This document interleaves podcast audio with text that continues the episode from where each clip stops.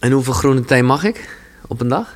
Ja, het hangt vanaf uh, welke momenten van de dag je het neemt. Ja, ja, ja precies. Okay. Hormonaal ritme, s morgens cortisol hoog. Dan kun je wat meer thee in de koffie naar binnen hebben dan, uh, dan de rest van de dag. ja, nee, ja. ja. dat is wel gelijk. Uh, Zo het. Ja. Oh man, dit is lekker jongen als je, als, je, als je alles weet hoe het werkt. Ja.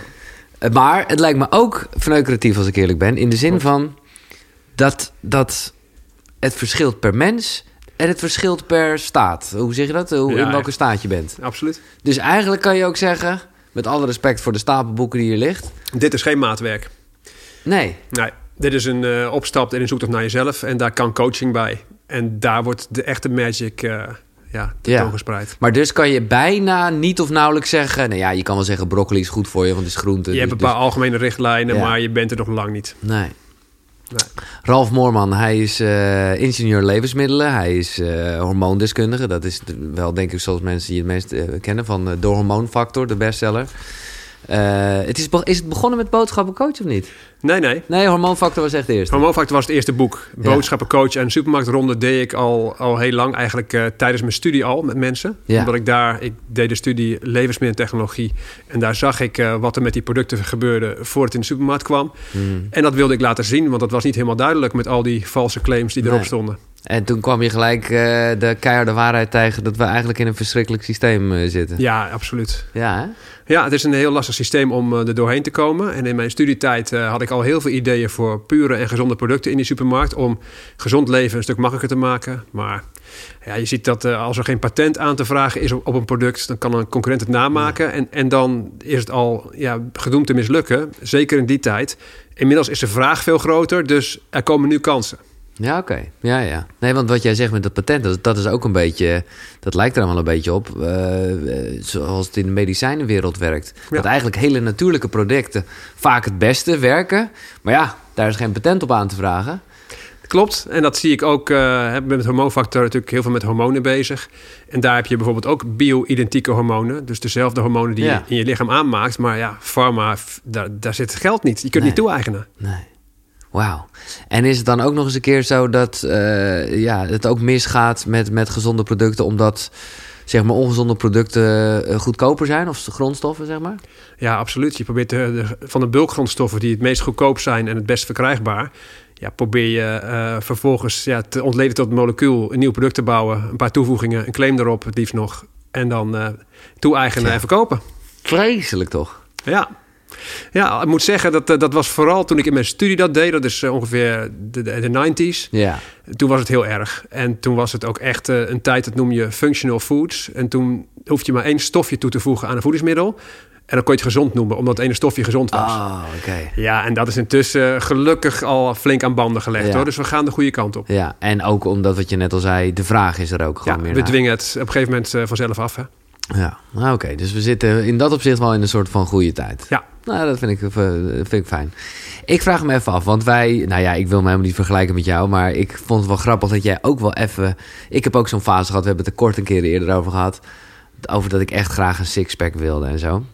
Ja. Jij hebt echt, echt gewoon meegedaan aan een bodybuilder Ja, toestand. ja, het is een beetje dezelfde fase waar jij in zat. Ja. Ehm, alleen toen nog totaal geen idee van heb ik daar aanleg voor of niet. Nee. Eh, ik ben er tijdens mijn traject achtergekomen dat ik zo'n persoon ben die relatief eh, veel vet op zijn buik opslaat. Dus voor die sixpack moet ik naar 8% of lager. En een ander die heeft bij 12% vet, heeft hij al zichtbaar. Ja, ja, ja, ja, dus mijn gezicht zag er verschrikkelijk Ja, uit. Ja, precies. Oh, dat ken ik zo, ja. Ja, en, en dat was echt op een gegeven moment een, een keuze tussen mijn, mijn gezicht en mijn sixpack.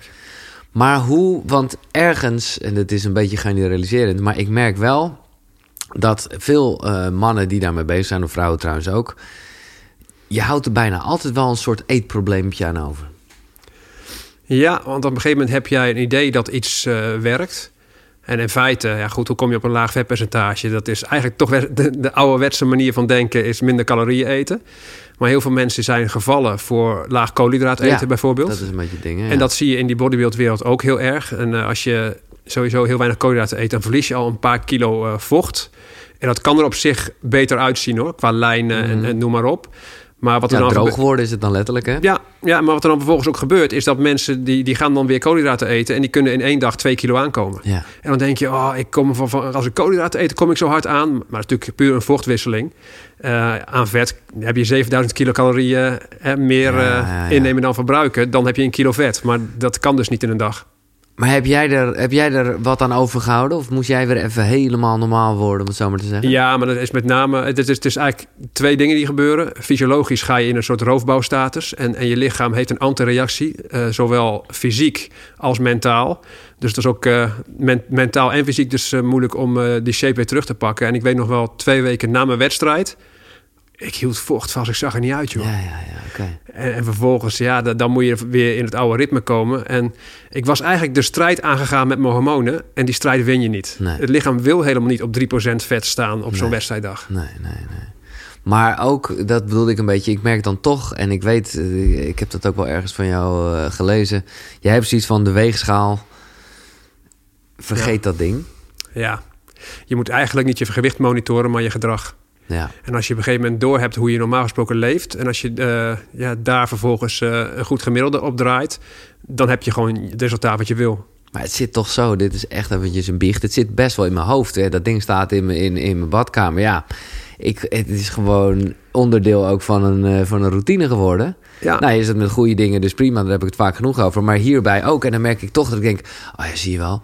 Ik heb gisteren toch eh, dit en dat eh, gegeten. En dan zie ik anderhalve kilo erbij of zo. natuurlijk. Maar goed, je, je weet het al door je gedrag. Dus als je gedrag monitort, dan weet je die weegschaal eigenlijk ook. Nee, dat weet ik precies. Maar ergens zeg je ook, en dat vond ik met name wel een eye-opener... dat het gewoon helemaal niet zoveel zegt. Want je weet natuurlijk niet... Nee, nee precies. Ik, eh, ik had een heel andere lichaamssamenstelling op het bodybuildpodium... Ja. dan dat ik nou, nu weer heb. Hè. Ja, ja, ja. En, en zo zal een marathonloper weer een andere verhouding hebben. Maar ben jij nu, hoe doe je het eigenlijk met sport en zo in deze tijd? Ja, het, het moet zeggen, ik doe het vooral een beetje buiten. Ja, Ehm, en ik doe ook best wel, wat ik normaal wat minder doe, wat meer aan eh mountainbiken, wielrennen. Oh, Eh, ja. dat, en dat is eh, op zich niet alleen voor mijn conditie, want die is al hartstikke goed.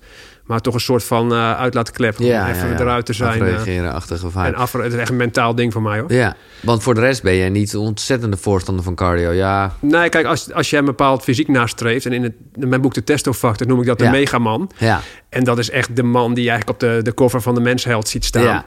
Ja, dan eh, als je heel veel cardio doet... dan verlies je te veel spiermassa om dat te kunnen bereiken. precies. Dan word je snel Dolf Jansen. Ja, bijvoorbeeld. Nee, ja, dat vind ik Ja, altijd dat een is goed zo. voorbeeld van een gast die gewoon... Ja, eigenlijk als je goed- dat doet, hè, dan het lichaam is ook logisch. Je, je krijgt het lichaam eh, wat ideaal is voor marathonlopen als je Ja, zo traint. exact. Dus, dus wat doet je lichaam? Die, die gaat juist je, spieren verbranden, waardoor je eigenlijk nog minder spiermassa bijvoorbeeld op je armen hebt dan iemand die niet getraind heeft. Je ziet soms hoe uitgemergeld een bovenarm kan zijn van een marathonloper. Dat is functioneel. Ja. Ja, ja, zo werkt het natuurlijk. Maar goed, we hadden het hier meer over wat jij vroeger ook wilde worden. Arnold Schwarzenegger-achtige... Ja, dat is toch iets wat je dan in je hoofd hebt. En Ja. ik weet ook, een Arnold Schwarzenegger fysiek zul je nooit halen zonder het gebruik van eh, bepaalde middelen. Nee. Ik bedoel, je kunt wel een eind komen hoor. Maar eh, het is voor mij een soort van, eh, van streven wat je nooit zult halen. En, en dat, is, dat maakt me echt niet uit. Ik bedoel, je, hebt, je hebt een megaman voor je, een idee van jezelf wie je wil zijn.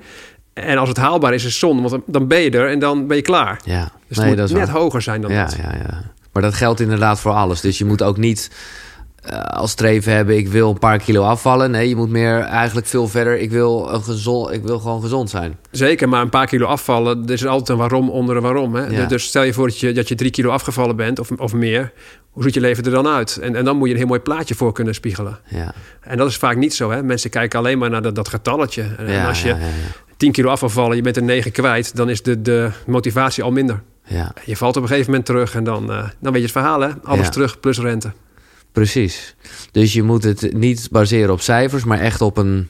Ja, hoe, hoe zou je dat omschrijven? Een, een, Ja, op, op een eh, wie wil je wel zijn, wie wil je niet zijn. ja, En, en je kunt jezelf dus triggeren vanuit een positieve gedachte en een belang.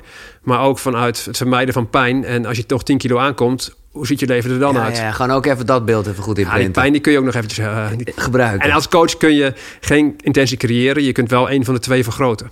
Pijn of belang. Ja, ja, ja, ja.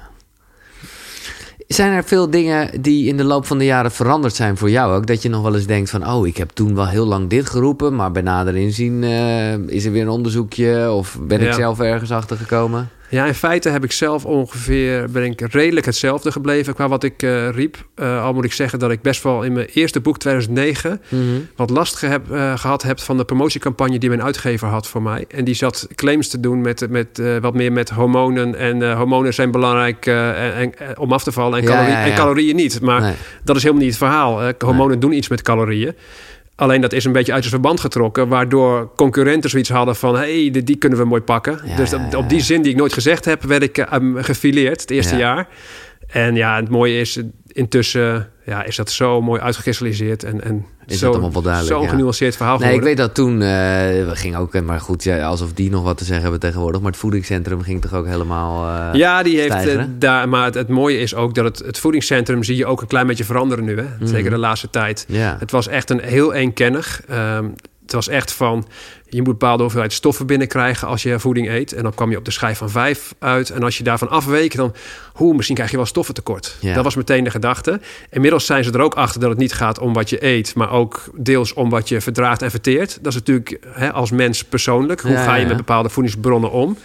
Dus daar bij, bij schijf van vijf hebben ze ook eigenlijk wat meer een glutenvrije schijf van vijf en wat meer, ja, toch wat Precies. meer aanpassingen. Het is Want die meer- glutenvrij, daar was jij al best wel vooruitstrevend in. ja, dat, dat was ik, daar ja. was ik eh, eigenlijk eh, voor Nederland heel erg vooruitstrevend in.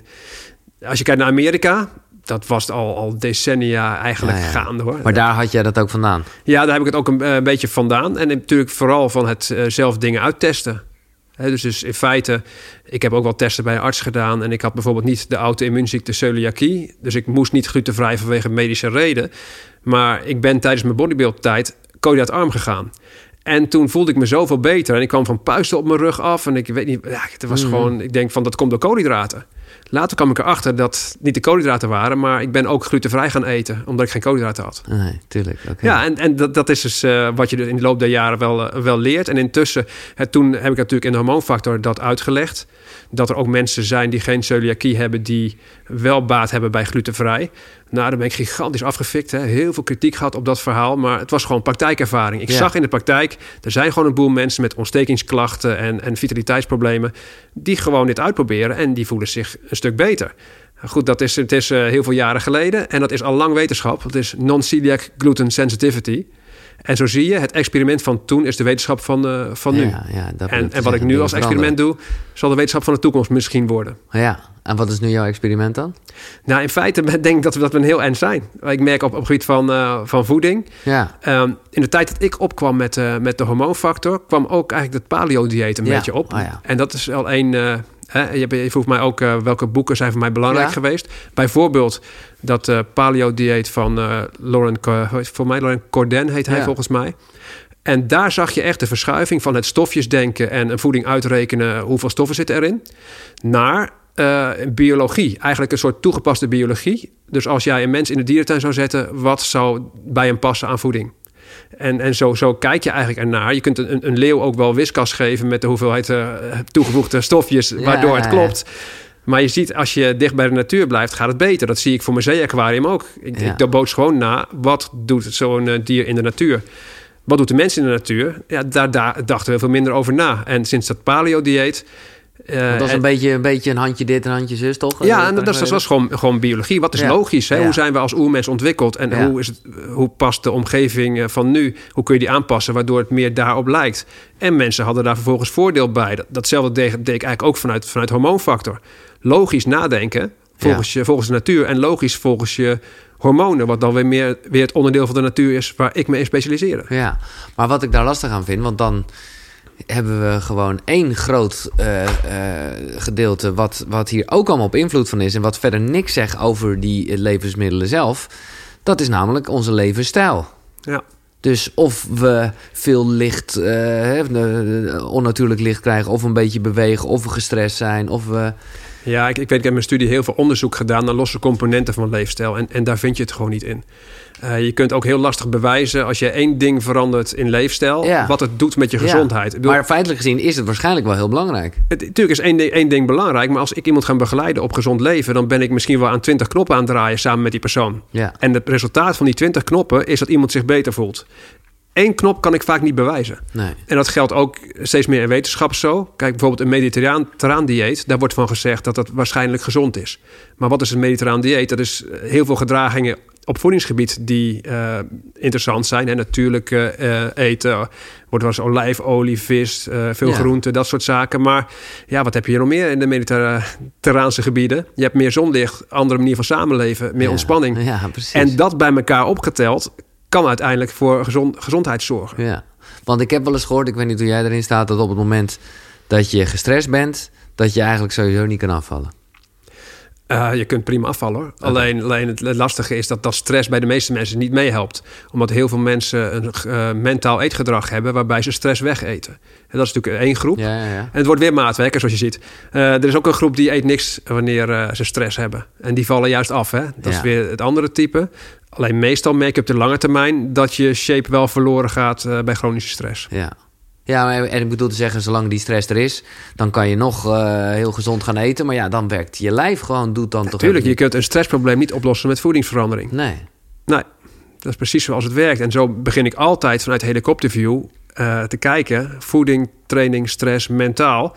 Waar kan die persoon het meest winnen? En vervolgens moet die persoon het met je eens zijn dat op dat vlak er ook gewerkt moet worden. En zo zijn er heel veel mensen die hebben een bepaald mechanisme. Wanneer iets misgaat, dan lossen ze dat op met voeding bijvoorbeeld. Mm -hmm. En als het niet op voeding ligt, is de persoon lang niet altijd bereid om daar buiten te gaan kijken. Hè? Ze ja. hebben hun eigen oplossing al bedacht en ze komen bij je. Ja, ja, en dan moet jij ervoor zorgen als coach dat je echt naar de belangrijke punten gaat. Ja, ja, ja. Nee, ik herinner me van uh, jouw talk die je gaf begin van het jaar in, de ontwerp, uh, in het ontwerpprogramma. Dat je het ook had over mensen die dan heel specifiek naar bepaalde nootjes gingen vragen. Terwijl ze nog uh, twee, drie flessen wijn per dag Klopt, weg, ja. Uh, ja, ik, krijg heel, ik heb natuurlijk veel ke kennis over voeding. Dus ik krijg al die gedetailleerde vragen op me Ja. af. En dit voorbeeld was... moet je noten nou een nacht weken in de koelkast... Uh, om de vitinezuur onwerkzaam te maken? Gewoon heel specifiek. En ik weet zeker, als ik die persoon vanuit helikopterview bekijk... is dat zo'n bijzaak? Het is leuk om te weten. Mm -hmm. En misschien als je dat uh, onbewust doet zonder moeite... dan zou je het kunnen doen. Maar we moeten echt die grote dingen eruit hebben. Ja. Hoe sta je eigenlijk in, uh, into uh, Ayurveda? Voor de mensen die het niet kennen, dat is een... Ja, dat is het, een Oosterse... Ja, en, maar wat, wat het wel gemeen heeft is natuurlijk... Dus heel, het, het, is een zoektocht naar maatwerk... Ja. waarbij je bepaalde mensen onderverdeelt in types. Ja. Um, en alleen de, al die, die types, dat, er hoort een ge, behoorlijk gezonde leefstijl bij. Dus ik vind ze allemaal gezond. Ja. En er is een onderscheid in, wat, in bepaalde soorten. En dat werkt gewoon voor veel mensen. Maar hoe je mensen ook onderverdeelt... uiteindelijk moet je toch naar maatwerk ook al is het Ayurveda of, of uh, bloedgroepdieet, je kunt op allerlei manieren een start maken. Ja. En het voordeel is inderdaad als je bepaalde groepen kiest, waarin het vaak zo is dat mensen ergens invallen, het klopt vaak, dat je wat sneller kunt zoeken naar jezelf. Ja, dat je, dat je ietsjes meer aansluiting hebt dan een soort algemeen beeld. Ja. Ja, ja, maar ja, ik ben wel blij dat je het zegt. Maar ook dan geldt, het geldt nooit voor 100% van ieder nee, mens is anders. Nee. En de situatie is ook nog een keer anders. Absoluut. Ja, ja je, bent, je bent echt hè, met een persoon bezig. Niet alleen wat doet hij, maar ook uh, waarom doet hij het. En in, in, welke omgeving begeeft hij zich. Dus als een persoon zijn gedrag wil veranderen, wil je weten gewoon, ja, hoe ziet zijn leven eruit? Um, welke invloeden ervaart deze persoon? Moet hij iedere dag over station Utrecht lopen met al die geuren van snacks en weet ik veel wat? Ja, ja. Um, heeft die persoon vrienden om zich heen die hem bewegen tot, uh, ah, doe nog een drankje? Uh, de, de saboteurs. Of een persoon heeft juist ondersteuners om zich heen. En, en dat wil je in kaart brengen. Maar het lijkt me zo echt, maar dat begon ik al mee. Het lijkt me zo lastig. Je zit nu tien jaar in de business en ik heb het gevoel dat hoe meer je weet, hoe minder je kan zeggen erover. Nou, ja, nee, je komt er vooral achter dat, je, dat meer weten niet altijd meer effect geeft. Nee. Um, uh, je komt er ook achter dat, dat je veel meer uh, gaat werken vanuit de hoofdlijnen. Ik was in het begin echt zo'n zo'n nerd die alleen maar op zoek was naar zoveel mogelijk kennis. Tuurlijk, en toen ja. ging ik mensen begeleiden en die vonden me allemaal fantastisch. God, die Ralf weet veel. Maar ze deed niet wat ik zei. Oké. Okay. dus in feite zijn in mijn, in mijn opleiding ook, dat leer ik mijn studenten. Er is uh, een docentenpad waarin je je kennis kunt delen. Uh, je hebt ook nog een, uh, een adviseurpad, waarin je dus samen met de persoon tot, tot een nieuw maatwerkplan komt. En dan heb je de coachpad, waarin je de persoon helpt naar blijvende gedragsverandering. En dat, is, dat laatste is gewoon super duidelijk met kort. ja. ja. Dat is, maar dat is een, de, de laatste, dat, dat coaching is eigenlijk nog wel de meest moeilijke. Ja. En dus, ik merk dat heel veel mensen in het begin op zoek zijn naar kennis. En er later achter komen dat gedrag, ja, kennis zonder gedrag is niks. Nee. Dus, dus nee, dus nee. ik geef zat mensen les die uit shape zijn. Gewoon hele groepen vol automoleculair geschoold. Je kunt Ze niet weten de- alles. Ze weten alles, joh. En ze zijn niet in shape. Nee, precies. Dan denk ik, ze hebben maar één ding, hebben ze zich op gefocust. En ze moeten buiten die pet kijken en naar een andere pet toe gaan. Maar dat vind ik wel echt eh, mooi. Dit is wat, wat eh, zonder dat we hier eventjes jouw hele eh, opleiding in, in een paar minuten kunnen doen. Maar wat, wat, waar zit hem dat coaching in? Nou, dat is echt het ehm, begrijpen wie je voor je zit. Ja. Wat beweegt die persoon? Wat motiveert die persoon? Welk leven heeft hij? Wat, Om dingen wel of niet te doen. ja, en, en, en wat eh, maakt hem gezonde verandering eh, moeilijk? En wat gebeurt er wanneer een persoon in één keer het druk heeft? Of wanneer er een verhuizing is? Eh. Hoe snel is hij afgeleid? Ja. Dus het is belangrijk dat de leefstijl het belangrijk, voorop staat. En als iets anders eh, dat moment belangrijker blijkt, moet de persoon dat toegeven. Maar hoe, want, want dan eh, ja, hebben, hebben, hebben, heeft voedsel er echt even helemaal niks mee te maken, zou je bijna kunnen zeggen. Ja, dus, dus die kennis heb je niks meer aan. Nee. Je doet het niet, dus je krijgt ook niet het resultaat van de kennis. Dus Maar daar wat is dan jouw advies als coach zijnde? Nou, als coach zijnde dat, dat, je, dat je dus eh, ja, echt bezig bent met, met, met wat beweegt de persoon. Als een persoon niet gemotiveerd genoeg is, als, het niet, als hij niet graag, graag genoeg wil, zal hij het nooit blijven doen. Nee, nee en dat maar, geef ik soms ook terug. Hè? Ja, dat eh, Dus als- je niet de juiste drive hebt, en die drive heb je nooit eh, voor de rest van je leven, dat blijf je maar bij jezelf oproepen. Hè? Mhm. Iedere keer wie wil je zijn, wie wil je niet zijn. ja. En als er iets anders belangrijker is, toegeven. Oké, ik vond het even niet belangrijk genoeg. In plaats van de schuld buiten jezelf te leggen. Dat leer je natuurlijk een, eh, een persoon. Ja, en iedere keer eh, de leefstijl, de stappen die iemand zet. Hoe minder stappen die hoeft te zetten, hoe groter de kans dat, hij het volhoudt. Maar kijk, ik denk dat een veel voorkomend probleem is. Nogmaals, dan is de kennis misschien wel bekend. Maar precies wat je eerder al even zei. Op het moment dat er dan even iets gebeurt dat even niet zo fijn is. Dan is dat gewoon. Nou ja, dan compenseer je dat met eten. Ja. Hè, dat is op zich ook nog best wel gek. Of niet zo gek, want eh, serotonine, je wil gelukkig worden. Dus nou, je denkt Tuurlijk. iets in je buik moet gebeuren. Of dan, je denkt niet eens. Je denkt niet eens. Je, het, het gebeurt automatisch. Dat, dat zie jij gebeuren aan de lopende band. Ja, en dan is het de, de vraag van waarom vond je het niet belangrijk genoeg? Nou, jij vond het niet belangrijk genoeg. Dat Nee. vind ik nog hard. Je vond het, ja, nou ja, Ja, je, bent, lange- je, je werd overmand door een, door een negatief gevoel. Klopt. En het korte termijnsgeluk heeft het gewonnen van het lange termijnsgeluk. En, en dat lange termijnsgeluk kan zijn dat, dat het niet groot genoeg is. Dus Nee. die kun je dan inderdaad... eh, Maar dat eh, is toch groter precies zoals onze hersenen zo werken. Die, die willen gewoon pijn vermijden. En dus, Ja, maar wat het grappig, ik had laatst weer, iemand, een van de podcasts was het van mij ook even, eh, nee, de- dat wat is het nieuwe, nieuwe ook weer dat we hebben, Clubhouse. Clubhouse, ja, ook zo'n leuke app. ja, Daar was ook iemand die eh, had ook het probleem met chips bijvoorbeeld. ja. Iedere keer de mist inging. En dan vroeg- stelde ik de vraag van, goh, als het nou april is, mei, ga je nog steeds zo vaak de mist in met chips? Nee, want toen kwam het be- eh, beachseizoen eraan. Ze vond het wel belangrijk genoeg. Ja, ja, ja, ja. Dus dat is voortdurend het spel. ja. En als, als je het niet belangrijk genoeg vindt, dan wint het korte termijnsgeluk. Ja, even los van het feit, dat is toch echt wel mijn gouden truc. Daar daar kan je toch uiteindelijk ook wel creatief in worden. Maar zorg gewoon om te beginnen dat je het niet in huis hebt. Ja, dat is al. Dat, dat is de, de omgeving minder verleidend maken. Dat Ja. betekent de mensen die je omheen heen verzamelt, die ook ondersteunend zijn. Dat Ja. is ook al heel handig. Dus dat is ook één ding wat ik doe. Hè. Ik Doe het, de omgeving van die persoon. En je wilt de persoon zo sterk mogelijk maken. En zijn omgeving zo ja, verleidend. Het is eigenlijk, eigenlijk zo min mogelijk verleidend. Ja. Dus dat is wat je probeert. Maar ik vind toch, ik snap het hoor dat je ook soms hard moet zijn. Maar ik bedoel, op een moment dat ik zelf bijna niet door heb dat ik echt even niet zo lekker in mijn vel zit. Echt uit verbinding ben gegaan met mezelf. En, eh, Ja. Nou ja, kijk, eh, op het moment dat je dat niet door hebt. En gewoon, nou, dan heb ik eh, vast nog wel iets van eh pindakaas in huis of weet ik veel wat, weet je wel. Prima. Ja. Ja, nee, is prima. Maar dan, dan baal ik daar wel van. Ja. En dan zeg jij, ja, dan vond je het toch niet belangrijk genoeg. Ja, god. Nee, klopt. En, en dan vervolgens, is er een probleem of niet? Ja. Als het eenmalig is, is er geen probleem. Nee. je monitort altijd je lange termijnsgemiddelde. En dat, dat moet je mensen echt leren. Want heel veel mensen hebben zoiets van... ik moet het perfect doen en als het dan misgaat... ja, dan heeft Dan toch, heeft toch geen ja, zin meer. Alles is, verkeerd. En dan, en dan dan, eten ja. ze de hele week daarna slecht. Ja. Ja, en, en die rust moet je op een gegeven moment in je krijgen. Gewoon van één keertje prima. Ja, en daar is natuurlijk die 80-20 regel... die overal hoort natuurlijk een belangrijke voor. En dat gaat dus hierover. Ja, ja, ja. Duidelijk. Nou, ik ben wel benieuwd. Dat is echt uh, onder de echte sportmensen een ding. Geloof jij in een cheat meal of in een cheat day?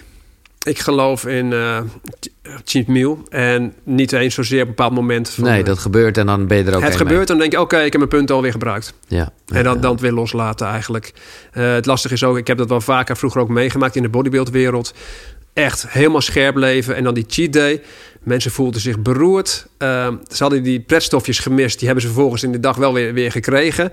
En die gaan de maand, bijvoorbeeld als zondag is, de maandag erna en dinsdag nog steeds een beetje de mist in. Ja. Ja, dus je kunt het beste dat gewoon inderdaad een meal doen. eh, Ja. eh, en weer het monitoren van je, van je gemiddelde is het enige. Ja, ja, ja. En hoe, eh, ja, dit is heel specifiek eh, en ik wil hem vooral echt voor iedereen toegankelijk houden, dit gesprek. Maar eh, dat, dat komt ook in de testofactor naar voren. Dat Ja. is dus echt jouw, nou ja, jouw specifieke mannenboek. Ik kan Ja. me voorstellen, je hebt het echt goed geprobeerd, maar ik kan me nog steeds voorstellen dat hij relatief een stuk minder loopt dan de rest. Ja, eh, ik dit, dit verkoopt wel, eh, wel goed, maar die Ik vrouw vind het is... tof hoor. Ja, maar, Maar, is- ja. ik- maar ik ben ook niet specifiek in een, in een mannengroep terechtgekomen nog. Dat Nee, hoopte ik eigenlijk met, met mijn, eh, dat ik overal lezingen zou, zou gaan geven dit jaar. En toen... om- ja, dat ging dus niet. Dus blijf ik bij mijn oude doelgroep. En dan probeer je het nog wel voor je vriend, voor je man. Nou, eh, er luisteren ook een hoop mannen. We gaan even inzoomen op de mannen dan. ja, dat vind ik wel leuk. Ja, nou ja. oh ja, wat je dus wil is... Ik heb het opgezet, want ik dacht van... Ja, dat wil ik eigenlijk. Isocalorisch.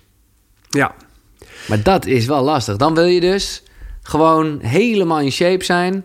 ja, en dat vasthouden. en dat vasthouden. Dat is natuurlijk het allermooiste. Als Ja. je dan precies met je training de spiermassa opbouwt... en je, je vetmassa blijft constant... En je, dat is precies allemaal in balans. Dat is wat je wil. Ja, En dat is een stuk makkelijker dan wat ik natuurlijk deed met die wedstrijden. Want je kunt nooit eh, het hele jaar door op 3%, 3% Zo droog zijn. vet. Nee, dat is nee, nee. onmogelijk. dat wil je ook niet. Dus dan ga je ergens naartoe trainen en dan vervolgens val je weer helemaal terug. Dan ga je jojoen Ja. en dat is gewoon echt lastig. En ik zie dat er ook echt goede atleten... die zijn eigenlijk het hele jaar in een fantastische shape. En als ze dan een fotoshoot hebben in, in een twee weken... dan zetten ze zichzelf helemaal scherp. ja. En, en dan hoeven ze eigenlijk vrij weinig nog aan Dat te passen. ja, precies dat is dit. knap, hè? Maar die Ja. zijn...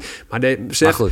als je in de mind van dit soort mannen gaat kijken... Dat, dat, ja, die zijn zo ontzettend... Die willen het zo ontzettend graag. Ja, en daar dan kan ook een obsessie onder zitten, hoor. Ja, Dus dat ja is... eh, oké. Dus jij, het is een iets te loffelijk streven. Ja, ja, precies. Dus, dus je kunt er fantastisch uitzien. Maar de vraag is of zo- zo'n man helemaal in balans is, hoor. Op alle vlakken. Voor de mannen, En of dat, dan- weet ik van mezelf, hè. Adonis-complex. eh, Ja. Nee, Ja. maar heb jij... Oh nee, dat vind ik wel eerlijk dat je dat zegt. Dus daar heb jij... eh, Dat, dat vroeg ik een beetje in het begin, maar je hebt er dus niet echt een eetstoornisproblemen Nee. Over gehouden. nee, Al kan jij, ja, je kan je afvragen of jij nog überhaupt iets normaal kan eten, want je weet gewoon te veel. ik weet, weet te veel, maar ik weet ook dat het gemiddelde belangrijk is. Ja, nee, precies. Dus dat maakt je relaxed. Ja. Maar er was wel een tijd dat je, nou ja, dat herken ik dus ook heel erg. En, en Ja. volgens mij delen wij alle twee dat we gewoon een fucking lelijke sixpack hebben. Ja, klopt. Dus ja, Ik heb niet... Dit, dit, is, dit kun je eens een sixpack noemen, joh. Dat is een gewoon... En hij is, hij is al, eh, niet symmetrisch ook nog eens een keer. Nee, dat bedoel ik. eh, Dus hij is echt... Ik heb, eh, hoe kun je dat verzinnen, joh? Ja, maar goed, ik Ja. moet zeggen, het heeft toch ook wat opgeleverd, toch? Tenminste, eh, ik... ik Absoluut. En, Ja. mijn- en mijn truc was gewoon... Je gooit je, je, je, je rugwijdte zo breed... dat de, dat de taille al te slank lijkt, hè? ja, ja, ja, ja. Dus dat is de truc. Ja. Eh, wat echt ook een mannending is in dit boek. Ik moet zeggen, ja, dat voelt dan een beetje als toerdoenerij. Maar ik was aangenaam verrast. Er zit een pagina in het boek waar je je piemel op eh, kan leggen. En ik dacht eerst even... Eerst had ik een klein complexje, moet ik zeggen. Omdat ik gewoon nog niet gezien had dat het eh, ging over stijve toestand. Ik denk, nou, eh, kom ik aan. maar eh, ja, hoe zeg je dat ook weer? Je hebt daar verschillende soorten penissen. Ja. Bloed, bloed en... ja, vlees en bloed. Vlees en bloed, precies. Dat heb je inderdaad. En heel veel mannen denken dat het gemiddelde ongeveer is wat ze in een pornofilm zien. ja, Ja, en dat, dat red, je- red je meestal niet. nee. Dus daar kunnen mannen onze- onzeker van worden. En eh, je gaat het natuurlijk niet alleen over eh, wat is je... ehm, eigenlijk je, je, je genetische maximum wat je kunt bereiken... maar vooral ook eh, hoe goed kun je je libido krijgen... Ja. en je potentie om alles eruit te halen wat erin zit. Nou, dit, kijk, oké, we gaan dus nu even... Ik, eh, ik, voor alle vrouwen, dit wil je en weten. En geloof me, we gaan het ook zeker nog hebben over eh, de hormoonbalans voor vrouwen. Er zijn ook heel veel vragen binnengekomen daarover.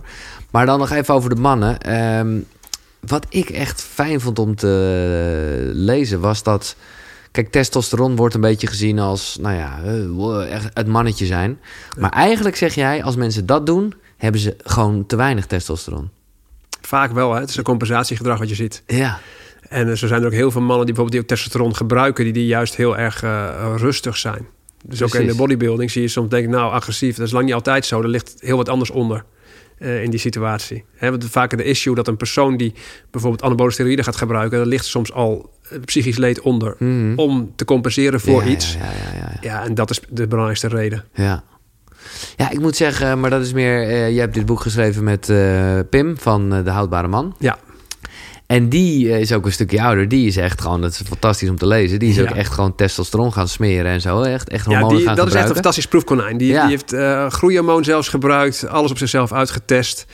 En daar leren wij weer van, van die proefkonijnen. Dat is wel Ik leuk. moet zeggen, ik was toch wel, ik weet het niet, ik vind het allemaal zo ijdel. Maar ik dacht wel van, ja, ik, ik, ik- ja zou jij het nooit doen? Ja, ik, denk, ik denk dat ik... eh, testosteron is voor mij wel iets, die, die gel. eh, als op een gegeven moment die eh, van me instort... en ik eh, krijg wat depressieve gevoelens... Ja. ik eh, kan geen spiermassa meer aankomen... mijn libido wat minder. Eh, ik ben, word 45 nu. Ah, oké, Nou, oké, we zijn even oud ongeveer. Ja.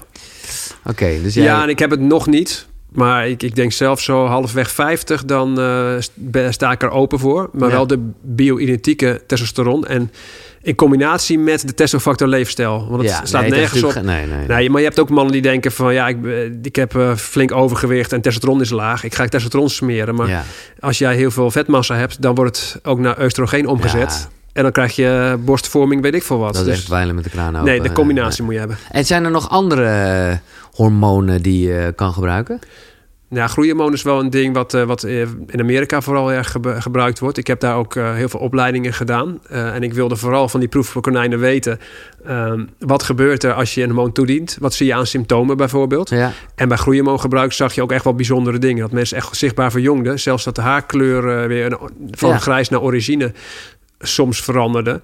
Ja, dat is natuurlijk heel interessant. Alleen het is wel experimenteel. En ik zelf vind groeihormoon eh, risicovoller dan testosteron. Omdat groeihormoon eh, ook natuurlijk een groeifactor is. En als jij een aantal verkeerde cellen in je lijf Dan hebt... gaat dat ook groeien. Ja, dat wil je niet, hè? ja, nee. Maar goed, het is allemaal best wel... Ik moet zeggen, eh, ja, ik heb gewoon toch niet zo heel veel met uiterlijk, kwam ik wel achter. Want in het boek gaat het ook heel erg over of ik prijs mezelf gelukkig. Dat maakt mij niet uit als ik kaal word of grijs word. Of, nou ja, ik vond prostaat nog wel een dingetje. Dat, omdat ik dacht bijna, misschien heb ik last van mijn prostaat. Ik moet dus heel vaak plassen. Mhm. Maar dat komt ook gewoon omdat ik heel veel thee drink, denk ik dan. Maar Ja. een van de symptomen van, van prostaatproblemen... het is moeilijk om plas op te houden. Vaker aandrang. S'nachts wakker worden omdat je moet plassen. Nou, dat heb ik allemaal. Ik moet zeggen, ik heb geen moeite om te beginnen... en geen zwakkere urinestaal en ook helemaal geen branderig gevoel. Nee, maar dat zijn de belangrijkste hoor. Nee, Juist, juist als het daar misgaat. Oké, maar hoe is dan... eh, hoe kan het dat ik gewoon heel slecht ben in het ophouden van mijn plas? Ja, nog wat je zegt net. eh, Heb je al bijgehouden hoeveel thee je drinkt? Dan? Nou, dit is wel... eh, ik denk wel het achtste glas. Ja, dat, dat is dus bizar. Ja? Ja, dat is echt, dat, dat is duidelijk, dat is het antwoord. Ja, dat is gewoon het antwoord. Ja, dus jij komt straks op 4 liter per dag of zo. Als je een beetje doorgaat. Qua, Even- wa- even qua dag. drinken? Ja. Ja, ja, ja. Ja, dan, dan kun je erop rekenen. Dat je meer gaat uitspoelen. ja. Dat is ook voldoende zout te eten. Belangrijk. Ja? Ja, dus je hebt niet zo bang te zijn daarvoor waarschijnlijk. Nee, Nee. oké. Hm. En eh slaapapneu. Ja, ik gooi je gewoon even de persoonlijke dingen erbij. Ja. Waar ik dus best wel mee bezig ben. Ik heb, eh, jij, leest, eh, jij schrijft ook over. Ik heb nu even geëxperimenteerd. Ik kom er wel in een andere aflevering op terug met zo'n sleep position trainer. Zodat ik, want ik sliep altijd op mijn rug. Ja. Ehm, maar ja, wat, wat, wat, wat, wat kan je doen aan een slaapapneu? Of wat heeft het voor... Ik vond het, of, ik vond het opvallend dat het gewoon Ja. even hierin in voorkwam. Nee, precies. Maar, maar in, in jouw geval is het meestal wat, wat, wat lastiger om eh, daar direct wat aan te doen. De meeste mannen die hebben zwaar overgewicht. Ja. En, en hè, die hebben echt een leefstijlprobleem. Metaboolsyndroom noem je dat. Ja, en daar kunnen we met leefstijl heel veel, eh, heel veel aan doen. In jouw geval is het wat meer, eh, meer maatwerk. Ja, nou ja, daar zit ik mee. En de laatste persoonlijke. Ik heb dus onwijze flubberbillen. Oké, dat is eh, eerlijk dat je dat zegt. Ja, ik, Ja. en ik moet zeggen, ik heb er al één laagje af weten te trainen. Want ik had echt een soort drietraps eh Ja, eh, ja. bil. Nu, nu heb ik een soort... Ja, ik denk dus dat het ermee te maken heeft. Maar dit is mijn eigen analyse. Omdat ik gewoon heel... Ja, dus laat ik maar gewoon zeggen... slecht ben in mijn core en het aanspannen ervan... en het gebruiken ervan. Ja, dus misschien dat jij inderdaad in je dagelijkse loopstijl ook, ook eigenlijk... Loop je met je voeten naar binnen ook nog of niet? Mm, Ben je er zo een? Nee, niet echt. Echt x-benen achter, bedoel je? Nee, soms dan lo- loop je echt als een soort van... Ja, dan zie je een beetje je hoofd op en neer gaan zo. en ja, dan de heel erg, heel erg. Ja, dat zie mijn je hoofd vaak. op en neer, ja. Ja. Ja, ja, dat is wel wat je vaak wat je, wat je Ja. ziet. En dat is ook heel met houding te maken, inderdaad. Maar het kan ook goed zijn, hè, want ik heb jou wel ook wel eh, front squats zien doen en noem Ja. maar op. Dat jij heel veel uit je quadriceps haalt en, en op een of andere manier... wat je, zijn mijn quadriceps ook weer? Ja, de voorkant bovenbeen. Ja. Dus dat je, dat je of, of hamstrings, maar dat je je, je bil een beetje toch niet gebruikt. Nee. Dus klopt. ergens moet, moet je dat eh, meer gaan gebruiken. Ja? En ik denk ook, hè, er zijn ook speciale eh, fysiotherapeuten doen, doen mylogenics. Waarbij je, eh, misschien ooit, heb je ooit van gehoord? Nee? Daar, daar, dat je specifieke spieren wat meer aanzet. Oké. Dus ik denk dat, dat dat ook wel interessant is. Zal ik straks eventjes wat... Nou, eh, top. Ja. Tot zover dit hele specifieke. Ik, ga, ik zal voor de mannen sowieso even afsluiten. Eh, en je moet echt het boek checken hoor. Want het, het is echt goed jongen met oefeningen en dingen. Ja, ik ben echt super trots op dat Ja. boek. Dat, dat is natuurlijk het laatste boek, hè, het nieuwste boek. Dus, dus je wordt steeds beter erin. En ik ben nu eigenlijk het, het vrouwenboek naar ditzelfde niveau aan het eh, Oké. trekken. Dus die komt over een maandje, komt die waarschijnlijk ook eh, op Ja, de markt. ja, Ook hardcover wordt die. Maar die noem je dan toch wel weer nog... ja, die heet toch gewoon Hormoonlas voor vrouwen. Want dat wordt verkocht. Hormoonlas Ja. voor mannen, kansloos. Nee, je verkoopt precies. helemaal niks. Mannen willen gewoon geen hormoon, die willen testo. Ja, Testofactor. goed. Oké, eh, dan doe ik eventjes de testofactor in één minuut met eh, de 15 punten. Wees alert op symptomen van hormona- hormonale disbalans en herstel bij problemen met evenwicht. Train tenminste twee keer, maximaal vier keer per week 30 tot 60 minuten je spieren. Krachttraining hebben we het dan over. Dus dat kan ook te veel zijn. Misschien. Ja. ah, Oké. Hm. Ja, ook als je ouder wordt merk je dat je minder, ja, minder herstelt. Hè? Nou, ik heb dus, dat is grappig, want misschien is dat dan het wel. Ik heb dan af en toe, als ik even niet train, dan denk ik, nou, ik zie er godsamme beter even uit. Ja, dus de kans dat je uh, in een roofbouw zit net. Hmm. Dus eh, Goed kijken of je iedere keer sterker wordt hè, en wat je goed herstelt. Ja. ja, dan heb je echt wel een dagje herstel nodig. Zeker wel. Zeker wel, oké. Ja, je kunt beter dan minder trainen, maar dan eh, slimmer. Helemaal, ja. Echt, ja. Eh, zorg voor veel dagelijks beweging en train tenminste twee maal per week 20 tot 40 minuten je hart in je longen. Dus cardio-achtige Ja. dingen. Kies zoveel mogelijk voor pure, minimaal bewerkte voeding. Zoek uit welke voeding je bloedsuiker sterk laat stijgen en eet daar minder van. En hoe eh, moet je dan echt, waar doe je dat? Ja, dat, dat eh, heeft er spe- speciale metertjes voor ook. Hè. Dat, dat doet, Ja. Pim die heeft het gewoon met zichzelf uitgezocht. Want bij dingen die hij vaak doet. Nee, ik heb wel een paar van die gasten die echt zo'n dingetje bij zich hebben, maar die hebben dan vaak ook suikerziekte. Ja, zo. klopt, maar dat is een ander verhaal. Maar in dit geval zou je dingen die je vaak doet... stel je voor je ontbijt altijd met havermout... dan kun je Ja. eens kijken hoe reageert je bloedsuiker daarop. Eh, en hij heeft dat vervangen weer door, eh, door een andere, ander ontbijt... waar hij minder schommelingen van krijgt. Ja, oké. Dus je hebt een, in feite heb je wel wat geld voor iedereen. Bepaalde koolhydraten worden sneller opgenomen dan de andere. Maar we hebben ook andere darmflora... wat toch het weer persoonsafhankelijk maakt. Mhm. En dat, ja, hij is zo'n freak die dan eh, Ja, dat helemaal meepakt. Ja. Ja, dat is leuk hoor, dat, dat soort mensen. ja, ik hou er ook van. Ja. Eh, Zoek uit welke voeding je niet goed verteert en verdraagt. Eet daar minder van. Ja. Hoe weet je dat? Ja, dat is erg lastig. Hè? Want we hebben natuurlijk van die eh, onderzoeken. Alleen die zijn niet goed geëikt eigenlijk. Hè? Dus dat is heel lastig. Je kunt wel een, eh, die auto-immuunziekte celiakie aantonen. Maar dat is maar minder dan 1% eh Ja. heeft dat. Glutensensitief, dat is een veel grotere groep. Alleen dat is een kwestie van eerst kijken of je celiakie hebt. Eh, heb je dat niet, ga dan glutenvrij testen om te kijken of je je beter voelt. In dat geval merk je het gewoon in de praktijk. Hè? Eh, zuivelcomponenten, lactose en caseïne, dus het, eh, de suiker Ja. en de ei, het eiwit van zuivel. Veel mensen reageren erop. En daarnaast wordt het wat persoonlijker. En als jij merkt van hey, ik eet ei en ik krijg uitslag op mijn huid, dan is niet te veel daarvan. Nee. En dat is toch eh, ja, even zoeken. Alleen juist dat, dat brood en die zuivel, dat zijn twee dingen die mensen de hele dag door eten. En dat is- kan dat is wel Ja, dus een keer iets eten wat je niet goed verdraagt, is, is niet het probleem. Het gaat echt om, als je dat structureel veel doet, ja, dan zuip je energie. Ik heb de indruk, het is even, eh, omdat het hier over verteren en zo gaat, maar ik weet niet of dat zo is. Dat als ik echt goed gezond eet en ook gewoon eh, een beetje eh, afwisselend, dan hoef ik nauwelijks mijn billen af te vegen. Dat is wel de bedoeling. Ja, hè? Ja, alleen je merkt wel vaak dat er zijn personen die, die wat minder eh, hoofd-darm-connectie hebben. Die hebben dat op een gegeven moment. Als je dan maar gezond eet, het maakt niet uit, eh, het gaat allemaal goed. Maar er zijn ook heel veel mensen die reageren toch met stress of mentale gevoelens. Op, Ja, ja, dan heeft op ook hun- effect. Ja, dus Ja, die, die ja. kunnen nog gezond eten. Maar die merken gewoon wisselingen in stressniveau, bijvoorbeeld aan hun ontlasting. Maar hoe goed ben jij daarin? Ben jij echt zo iemand die dan echt denkt, oh, ik heb nu even wat eh, vitamine C nodig? Of, of dat je heel... Nee, Nee, nee, eigenlijk niet. Nee, dit, vooral waar, waar zoek ik naar met, met, vooral met motivatie op het gebied van passie. Hè, van de geven dingen die ik doe nog energie. Dat is Ja. eigenlijk een beetje waar ik meer op focus. Qua voeding weet ik van mezelf wel wat, wat bij me past en wat niet bij me past. Qua training weet ik het ook precies. Alleen op mentaal vlak ben ik daar nog een beetje aan het sturen. Ah, Oké, daar gaan we straks dieper op in. Ik maak even Ja. deze 15 af. Eh, eet gevarieerd, zorg voor veel groenten en zoveel eiwitten, dat is du- duidelijk. Mijd hormoonverstorende stoffen zoals bestrijdingsmiddelen op groente en fruit. Oké, dus moeten we, eh, dat is een reden om biologisch te Ja. nemen. Ja. En datzelfde geldt ook voor eh, verzorgingsproducten. Rook niet, wees je matig met alcohol, puntje 9. 10. Ga zoveel mogelijk rond dezelfde tijd naar bed en slaap minimaal 7 en maximaal 8 uur per nacht. Dus ergens daartussen. Ai, ai, ai. Ja. voor de meeste mensen. Het zijn gemiddeldes. Ja, natuurlijk. Maar, maar het is wel, het is, ja, ik vind het, uh, ik moest zelf, was ik een van die gasten die altijd dacht, nee, ik heb zoveel slaap niet nodig. Daar ben ik wel een beetje op teruggekomen.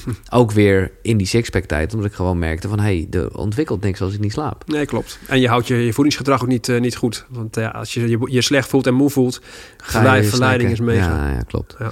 En dan komen er, dit vind ik mooi, want dan komen er een beetje de wat nou ja, minder voor de hand liggende dingen die echt wel te maken hebben met de testofactor. Dus investeer in een goede relatie, in vriendschappen.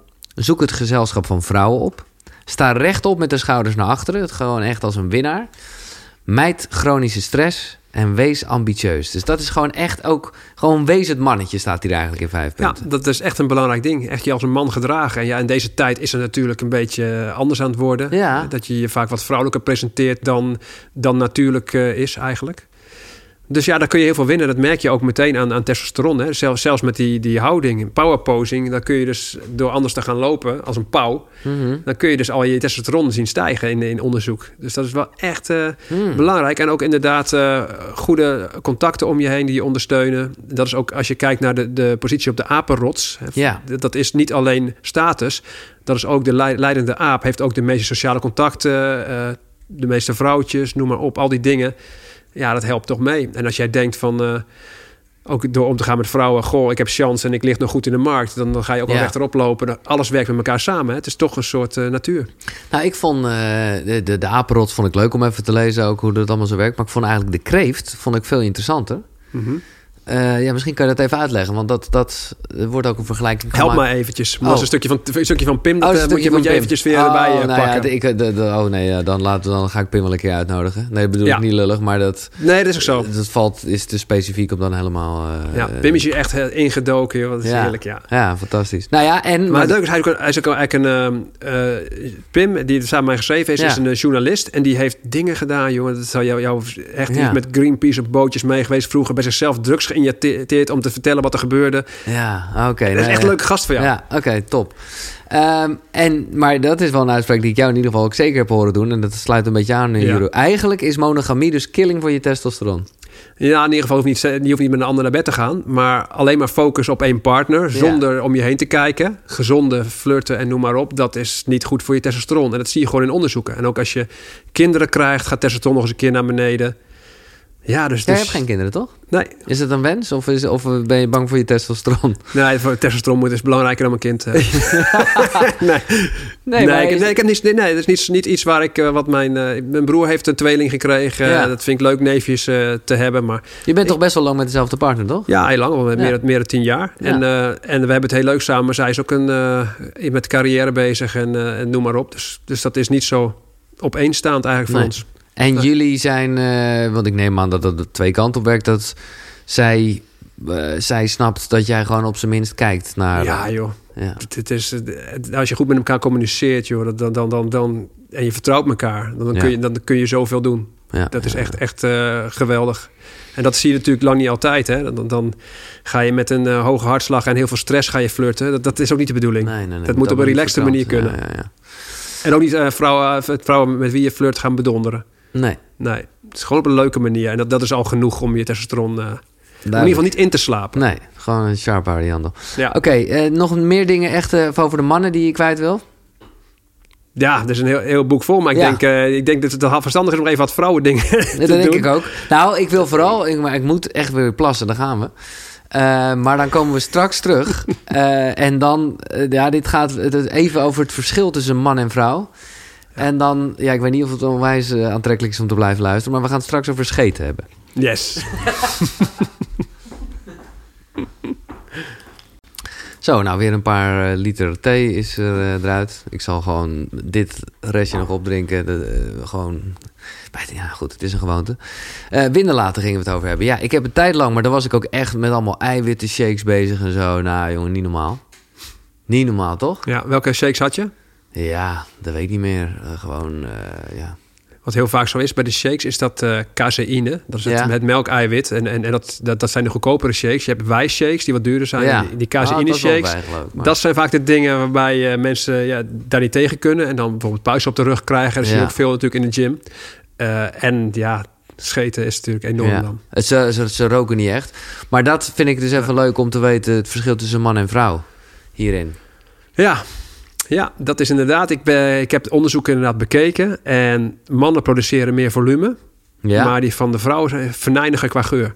dat dat even duidelijk is. Ja, dat dus dat, is- gewoon even... eh, Dat is altijd anders geweest. Hè? Het is me altijd aangepraat dat het niet zo was. Ik denk, ik ga het nou eens onderzoeken. ja. Haha. ja. Eh, ja, tot zover eigenlijk eh, dit onderwerp. Ja, precies. Nou goed, je hebt natuurlijk wel invloed op, op scheten. Ook met wat je eet. Ik Ja. zelf eh, merkte dat glu eh, glutensensitiviteit die ik heb... Ja, toen ik vroeger vol gluten at, dat was een mega verschil.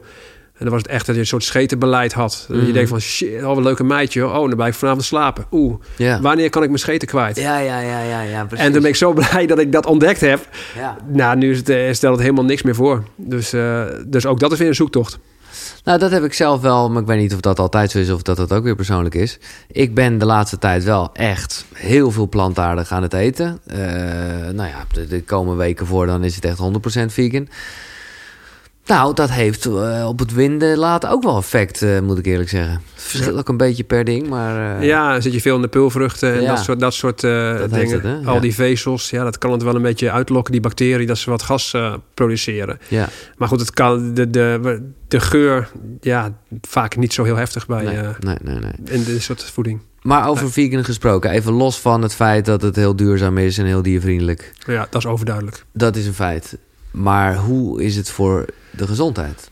Voor de gezondheid is het, eh, vind ik, eh, risicovol. Je moet goed weten wat je doet. Hè? Dus dat moet, zou ik eigenlijk altijd onder begeleiding doen. Mensen die, eh, die gaan het gewoon uit, op eigen houtje doen. En het is gewoon risico op allerlei tekorten die, die je daar natuurlijk hebt. Hè? Dus, dus B12 zullen de meeste mensen wel weten. Maar ja, je ziet ook ijzertekorten die, eh, die ontstaan. maar ja, Eh, goed, als je, als je genoeg spinazie eet, eh, heb je toch ijzer, of niet? Ja, maar dan kan het lichaam het wel goed opnemen. Ook dat is per persoon weer verschillend. Ja, dat is en het is weer zo, de, de een gaat er beter op dan de ander.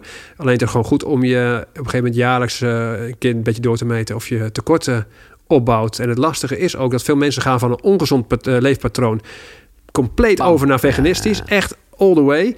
En denken, nou, ik voel me nou toch goed. Ehm, en dat voel je altijd meteen natuurlijk. Als je een veel makkelijker verteerbaar eh, voedingspatroon tot je gaat nemen. Alleen een tekort, dat merk je pas soms na jaren. Mhm. Dus dat heb je helemaal niet door. Nee. Dat is het risico eigenlijk van, eh, van veganisme. En ik ben zelf eigenlijk... eh, bedoel, ik kan me voorstellen dat je daar dat ethisch doet en, en noem maar op. Dus dan moet je maatwerk leveren en goed onder begeleiding gaan. Maar ik denk voor heel veel mensen dat dat minder vlees eten toch wel een, een mooi thema gaat worden. En dat, ik ben natuurlijk ook levensmiddeltechnoloog. Ja. En aan die kant ben ik ook wel bezig met eh, ja, het vervangen van dierlijke producten... juist weer voor plantaardige die wel gezond zijn. Nou, ik vind het wel mooi hoe, eh, nou ja, hoe duidelijk jij er wel in bent. En eigenlijk eh, eh, nou ja, wel voor waarschuwt. Ja. Omdat ik weet dat er nu alweer heel veel mensen gaan reageren in de comments. Die zeggen, ja, hoezo, wat mis je dan? Want je krijgt al Ja. je eiwitten ook binnen via... Nee, maar dat- dus dan moet goed kijken wie ben je, hoe, ja, hoe goed neem je bepaalde stoffen op. Dat is ook nog verschillend. Hou je, gewoon controleer jezelf. Dat is eigenlijk voor alle patronen waarbij je minder gevarieerd gaat eten, heb je minder risicospreiding. Dus dan moet je wat beter opletten. Ja, ja. Dat is eigenlijk het, eh, het verhaal. En ik denk vegetarisme dat dat wel de toekomst is hoor. Dus dat, dat ga je wel heel veel zien. Dus Ja, gewoon minder. Ja, en, en, en, en hoe, eh, ja, als je dan, want nu is er weer een nieuwe documentaire, ik heb hem nog niet gezien, over vis. Dat gaat dan veel meer ook weer over het ethische. Ja. Maar dat heb ik wel vaak gehoord. En dan hoor ik ook menigmaal sprekers hier zeggen dat ze toch dat eh, met omega-3 en zo allemaal wel echt belangrijk vinden. Ja, zeker. Dus, dus eh, inderdaad geen vis, dan, dan kun je ook weer dat weer dingen missen. Dus daar, daar moet je echt wel op focussen. En je hebt natuurlijk de, de eh, plantaardige omega-3. En dan heb je bepaalde fracties die je dan, waar je dan weer algeolie voor neemt en noem maar op. En de, degene die heel bewust is, die zal dat doen. Alleen degene die het maar een beetje nonchalant doet, dan denk ik, oké, let op. Nee, maar eigenlijk, en dat, dan is, vind ik alsnog eh, uiteraard natuurlijk veel respect voor de mensen die vegan leven. Maar jij zegt eigenlijk, hè, voor de duurzaamheid en diervriendelijkheid moet je het zeker doen.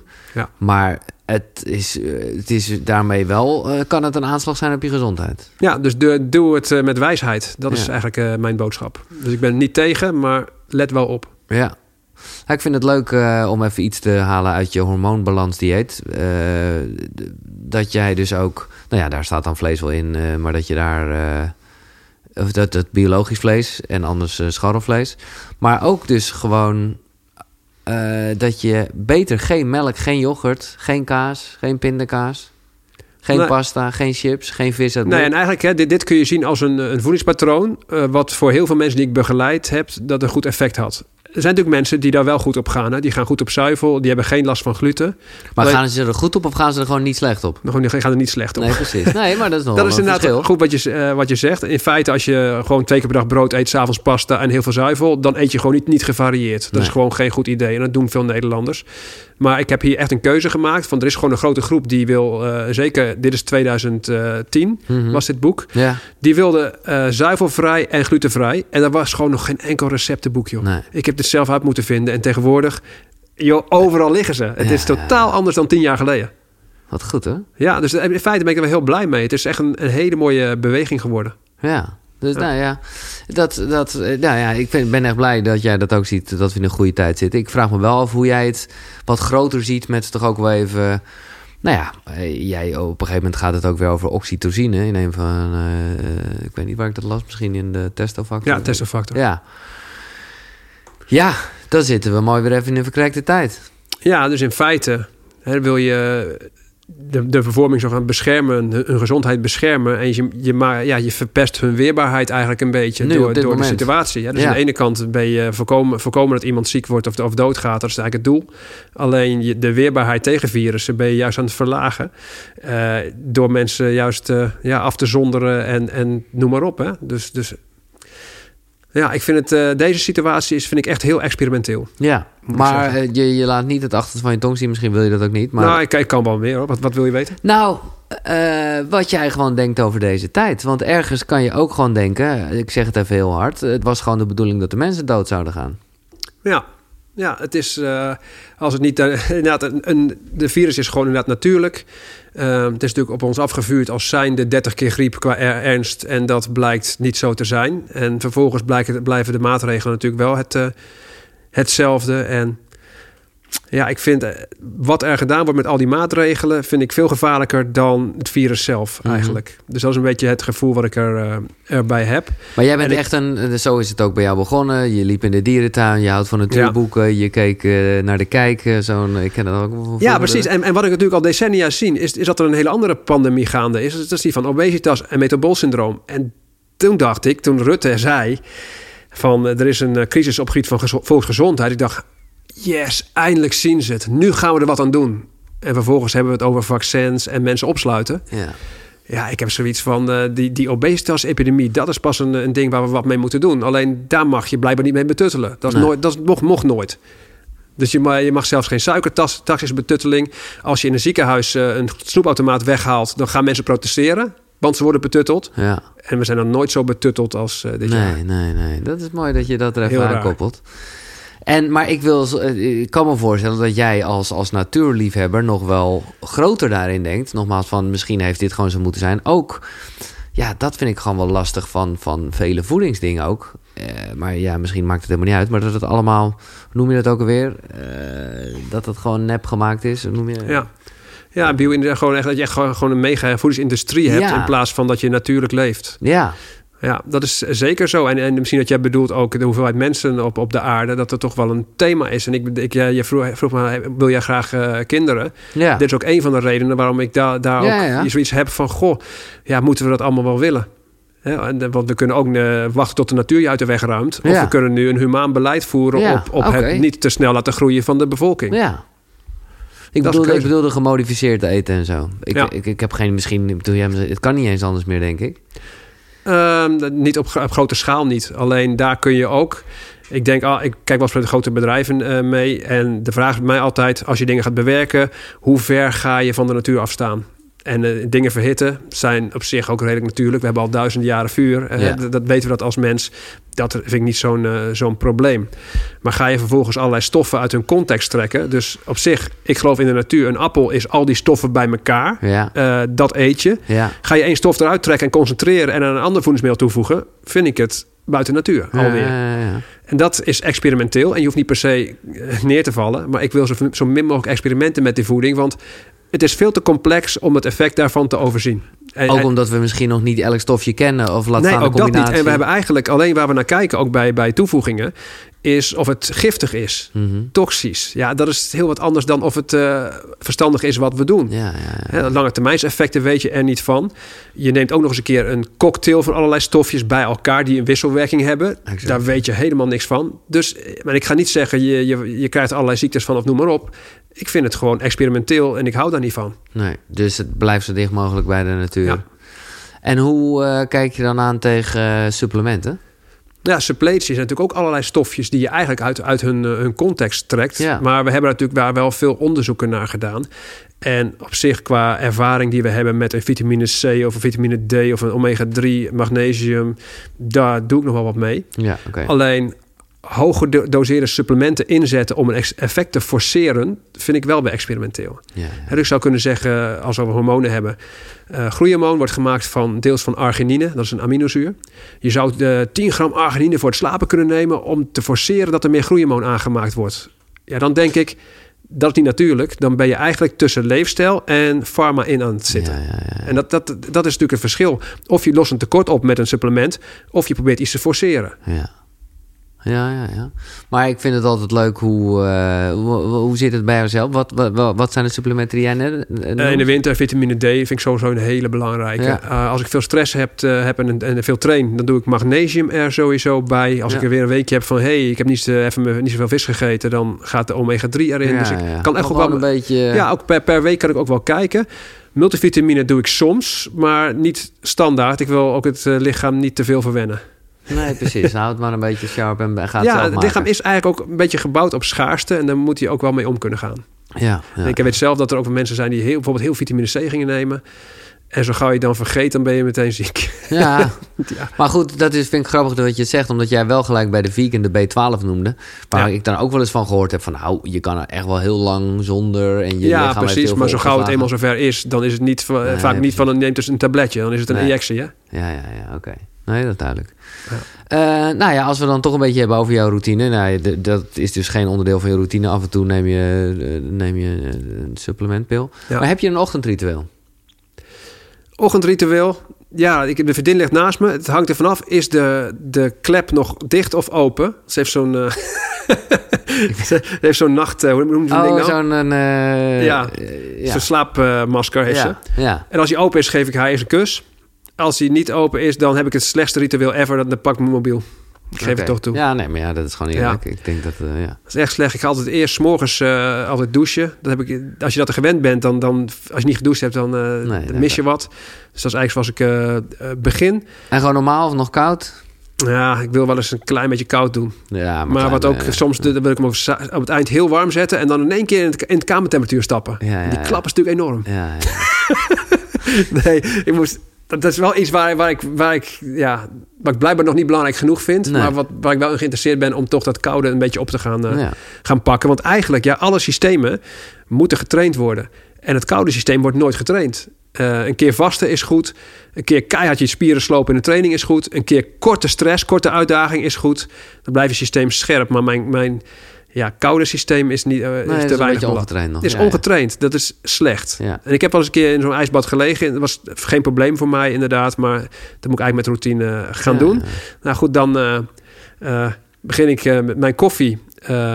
is in de ochtend. Dus meestal ja, een keer begin van de ochtend, eind van de ochtend. Niet meer na vier uur neem ik dat. Ehm, dan heb ik eh, natuurlijk... eh, mijn- ik heb gewoon een heel standaard ritme van drie keer per dag eten. Ontbijt, lunch, avondeten. Geen intermittent fasting voor jou? Geen intermittent fasting eh, voor mij. Hier ga ik erg goed op. Ehm, het grappige is dat ik natuurlijk glutenvrij eet. En in het begin ben ik allerlei uitwegen gaan zoeken met rijst, wafels en boekwijdpannenkoeken maken en noem maar op. En op een gegeven moment heb ik toch maar zelf ontwikkeld wat ik miste. Dat is namelijk een, een glutenvrij decembrood. ja, ja, je hebt het meegenomen. Ik heb heel meegenomen, daar ben ik echt super trots op. Het ziet er niet echt aantrekkelijk uit, als ik eerlijk ben. nee, maar dat dat is- zijn, zijn alle de. Hè? Dat Ja, zijn dat natuurlijk waar, ja. natuurbroden, zijn heel stevig. En waar. als hij vers is, vindt iedereen hem eh, lekker. Als hij een paar dagen oud is, vindt iedereen hem lekker als je hem in de rooster doet. Ah, maar goed, maar dit is dus... Je had glutenvrije broden en dat, daar, dat was op suiker gebouwd. En eh broodverbetermiddelen en allemaal rotzooi. En ik dacht van, dat moet anders kunnen. En daar heb ik drie jaar aan gewerkt om... Dit is eigenlijk het enige glutenvrije decembrood wereldwijd... wat je in de supermarkten vindt.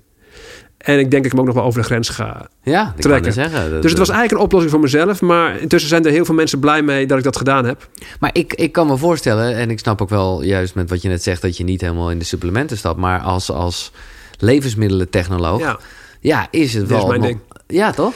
Heel, je hebt heel veel gezondheidscoaches en die hebben allemaal een, achtergrond. En er is niemand levensmiddeltechnoloog. Nee. Dus dat is echt, eh denk ik zou zeggen, mijn missie. ga, eh, begin Ja. je eigen supermarkt, man. Ja, dus ik ben al met heel heel veel dingen bezig, inderdaad. Alleen je, het, het maken van een product is voor mij niet moeilijk en het ontwerpen. Maar het, de fase daarna, producent, Ja, eh, retail waar die in terecht komt, al die marges. Het moet financieel kloppen.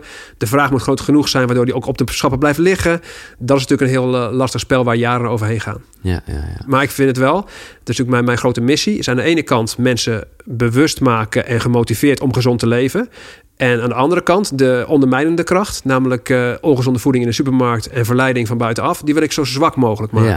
Dat uiteindelijk die balans goed is tussen die Ja. twee. Dus daar ook inderdaad wel taxen op, duidelijk maken wat voor shit erin zit. Zeker. Ja. Nou, maar vooral ook, ook eh, de, man- de manier van routing in de supermarkt. Al die dingen, die zijn nu gericht op eh, geld en verkoop en niet op gezondheid. Nee, maar goed, ja, een winkel is per definitie natuurlijk wel gericht op geld. Dat kan je ze bijna niet kwalijk Klopt, nemen. maar Rutte heeft gezegd... eh, de volksgezondheid is belangrijker dan de economie dit jaar.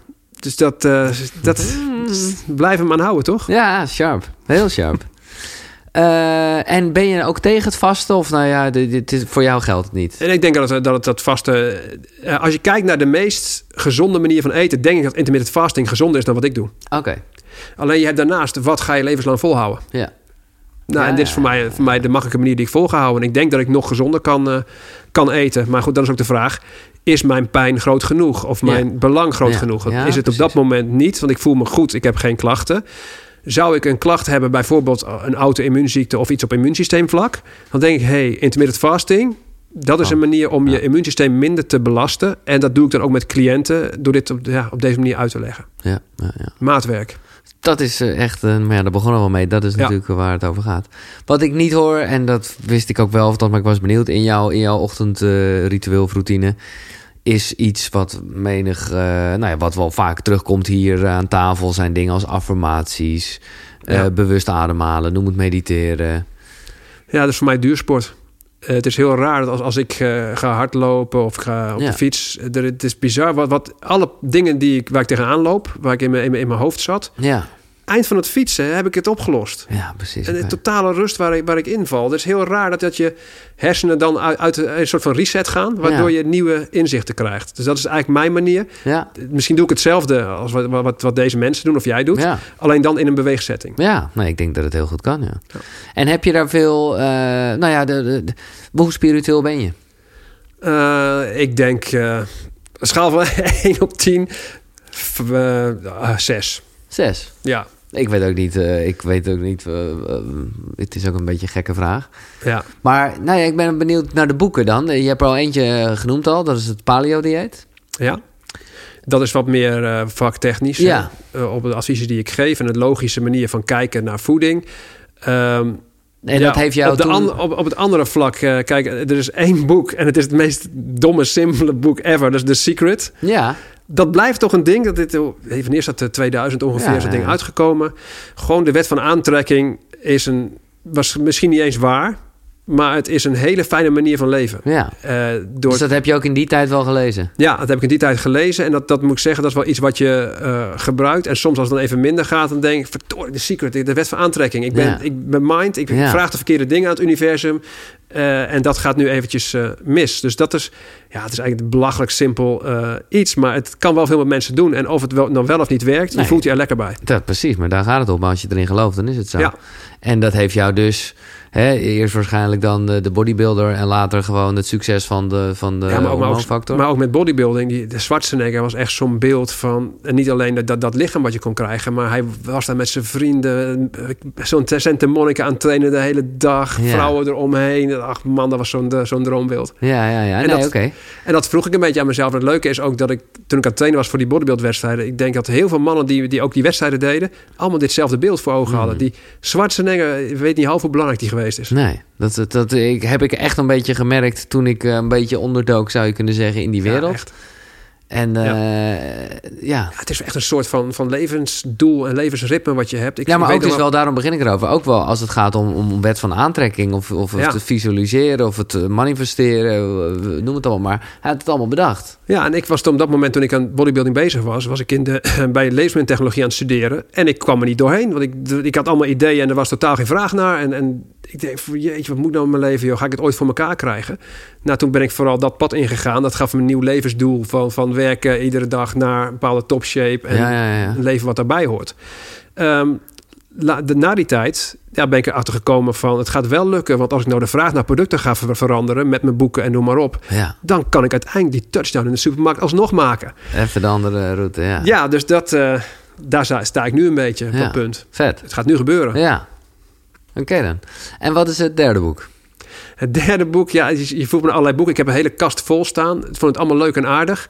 Maar als ik kijk naar hoe ik me, me mezelf inspireer Mhm. met, met mijn boeken en noem maar op, dat is harde wetenschappelijke onderzoeken lezen op PubMed. Daar zit, er is eigenlijk een, een balans tussen onderzoek op PubMed. zeg je? PubNet? PubMed is natuurlijk waar alle wetenschappelijke onderzoeken oh, ja, staan. idee. Ja. Dat is echt de, de hardcore onderzoeken die gedaan zijn. Dan kan ik vervolgens zelf dan vanuit de ruwe, eh, ruwe materiaal... kan ik dan mijn eigen beeld gaan vormen... Mhm. in plaats van dat een ander het al voor me verwerkt heeft. Dus dat doe ik aan de ene kant. Aan de andere kant lig ik in bad met Donald Duck. Ja, ja, ja. Ja, Maar is dat is de... de, de- Nee, natuurlijk. Maar derde, dus je hebt niet eens een derde boek, eigenlijk. Nee, ja, dat is prima. Nou, ik, ik, heb ze, ik heb er heel veel liggen... maar ik vind ze niet dat er eentje op die manier uitspringt... zoals de vorige twee. Nee, duidelijk.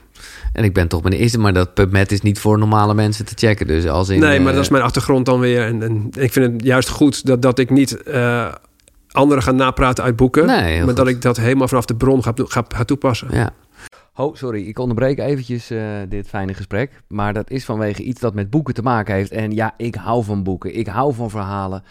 Van lezen, maar ook van luisteren. Vooral als je onderweg bent of gewoon, pff, nou ja, weet ik veel wat aan het doen bent. En ik heb nu iets stof met de vrienden van Next Story. Daar vind je echt op die site, jongen, 300.000 boeken. Dus ook zeker de boeken die net besproken zijn. En ik mag je nu, en dat is echt wel een toffe actie, 50 dagen gratis aanbieden. Ja, die gasten die geloven gewoon wel eh, in zichzelf. Dus die denken, oké, dan hebben we ze. Maar dat kan je echt even checken. Eh, ga naar koekeroe.nl slash boekenkast. Daar vind je sowieso alle boeken die besproken zijn eh, nou in de afgelopen afleveringen. En daar vind je dus ook een link. En via die link kan je 50 dagen gratis Nextory gebruiken. Check het. koekeroe.nl slash boekenkast. En als je het hebt over hè, dicht bij de natuur blijven. Heb je ervaringen met, ja, wat ze dan heel mooi plantenmedicijnen noemen? Eh, nee, nee ik, ik eh, lees er wel over, maar dat is echt een, een, ook weer een.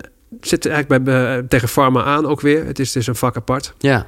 Het is een specialisme en dat, dat, daar, daar moet, je, moet je ook eigenlijk een opleiding voor gedaan hebben, vind ik. Nee, maar ik bedoel, of je het zelf wel eens gebruikt hebt. Nee, wel mensen, veel mensen om me heen. Natuurlijk Ja. de ayahuasca en Ja. dat soort zaken.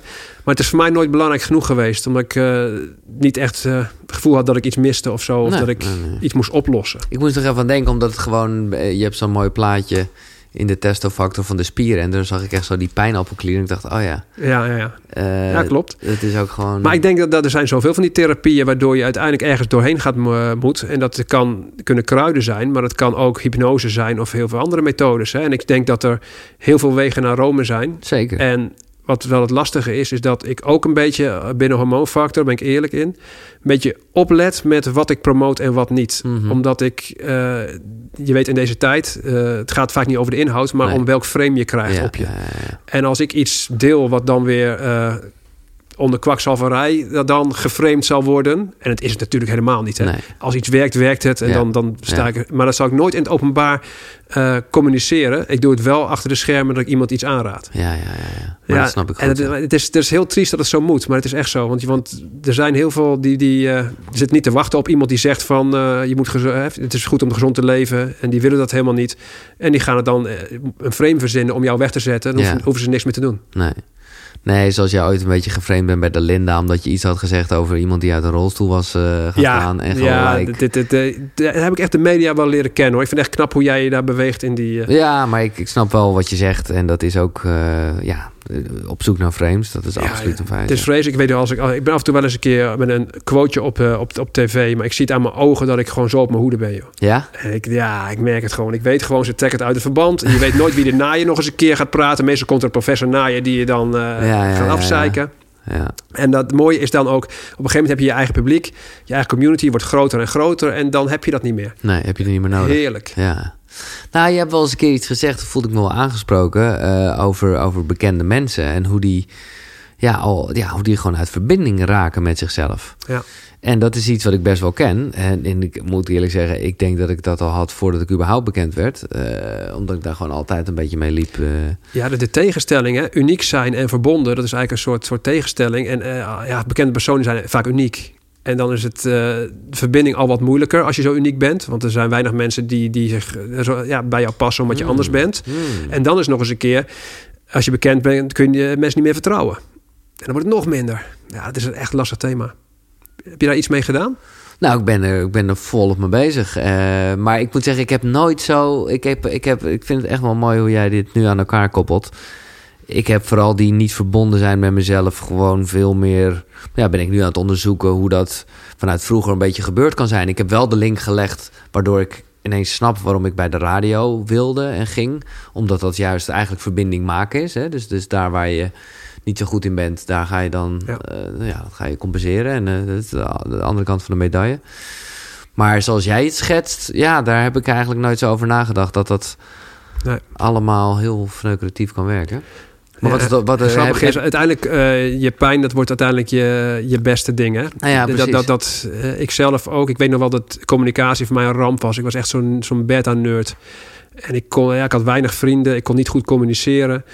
En ik kon zelf ook geen vrouwen krijgen. Ik ben maagd geweest op mijn 23ste. Dus wat deed ik toen? Toen dacht ik, als ik nou nog een waanzinnig lijf krijg, Ja, ja, ja. dat is de oplossing. En dan ging ik vervolgens bodybuilding meedoen, noem maar op. En dan, zoals we altijd al zeggen, hè, je, kunt, eh, je kunt eruit zien als een, eh als een eh, mannetje die geen vrouwen kan krijgen. Eh, terwijl je er ook uit kan zien als een Griekse god die geen vrouwen kan krijgen. ja, ja dat, dat was wat het was? Ja, Dat veranderde helemaal ja, ja, en later ben ik toch op een of andere manier sociaal beter geworden. En toen merk ik dat uiterlijk boeit helemaal niet meer, joh. En het is, het is zo Nee, anders dat geworden. en ik denk ook dat dat binnen. communiceren juist eh, daarna door het coachen van zoveel mensen is ook Mhm. weer een sterk punt geworden. Ja. Zo zie je maar. Je kunt van je zwakte je, je sterkte maken. Maar wat zou je mij aanraden op dit gebied? Want jij doet er net even een fijne eh, analyse. ik denk dat jij dat heel goed doet. Je bent niet voor niks dit uh, begonnen. Nee, dat is waar. Zo is dit, het. dit- het gaat niet, het is niet zomaar gebeurd hoor, dit. Nee, nee. Dus ik geloof echt dat, je, dat jij hier in juist dat deel heel erg gaat, gaat oplossen. Dus lekker zo doorgaan. Ja, bedankt. Dat wilde ik even horen. Eh, nee. Maar, maar en hoe, wat, is, wat is voor jou, hè? Als, eh, de- ik denk dat we dat dan kunnen beamen, dat zingeving gewoon heel fijn is. Eh, dat, dat is gewoon een soort brandstof, zou je kunnen zeggen, voor het leven. Ja, super. Hoe, ja, wat, wat, wat is dat bij jou? Ja, bij mij, zoals ik al zeg, ik heb die missie die ik vertelde, het, het zo sterk mogelijk en bewust mogelijk maken van de mens om gezond te leven. En de touchdown in de supermarkt om de obesogene omgeving te verzwakken. Dat is toch echt wel een missie. En ik denk ook wel dat ik daar de persoon voor ben. Ik ben niet voor niks. eh, heb ik die hel doorstaan eh, die met mijn studie als levensmiddeltechnoloog. eh, eigenlijk wat je totaal niet, niet wilde, zag je voor je ogen gebeuren. En je kreeg geen ruimte om het anders te doen. Ja, dat, Vanwege geld, hè? Nog even voor de duidelijkheid. Ja, ja, ja. Precies, want vanwege en, en te weinig vraag. Ja. En dus vanwege diep. Hè, ik weet nog wat we dat ze trots waren toen. Dat hadden we smurverblauwe eh Aquarius-drank hadden we gemaakt en dat soort dingen. Oh, fantastisch, allemaal blij. En ik dacht, wat gebeurt hier, joh? Ja, zo van, het is super slecht voor mensen. dit, dit kan toch nooit goed zijn? Wat een experiment zijn we hier aan het doen? En, en ja, dat, vanuit, maar vanuit die pijn kun je uiteindelijk daar overheen komen. Wat, wat je nu natuurlijk weer, eh, weer sterkt. Hè? Dus, dus op, dat, op dat vlak is inderdaad veel, eh, veel zingeving. Ja, nou ja, en wat ik mooi vind is dat jij nu eh, juist, hè, nou, die, die supermarkt, daar heb je ook de boodschappencoach voor. Maar jij eh, leert nu ook echt mensen zelf gezond koken. Ja, dat ook. Met, eh, met, samen met, ik ben zelf geen eh, keukenprins, maar we hebben wel een keukenprinses waarmee ik dat samen doe. Oké? Hè, dat is het programma De Co-Coach. En eh, dat vinden mensen ontzettend leuk. Dus online in vier weken leer je alle facetten van het kopen tot het bereiden en, en bewaren en dat soort dingen. Ja, en om die gezonde leefstijl natuurlijk een stuk makkelijker te maken. Daarbij kom je ook in een hele leuke community tereert, eh, waar ook weer heel veel ervaringen gedeeld, ja, worden. En het is ontzettend leuk om dat te ervaren.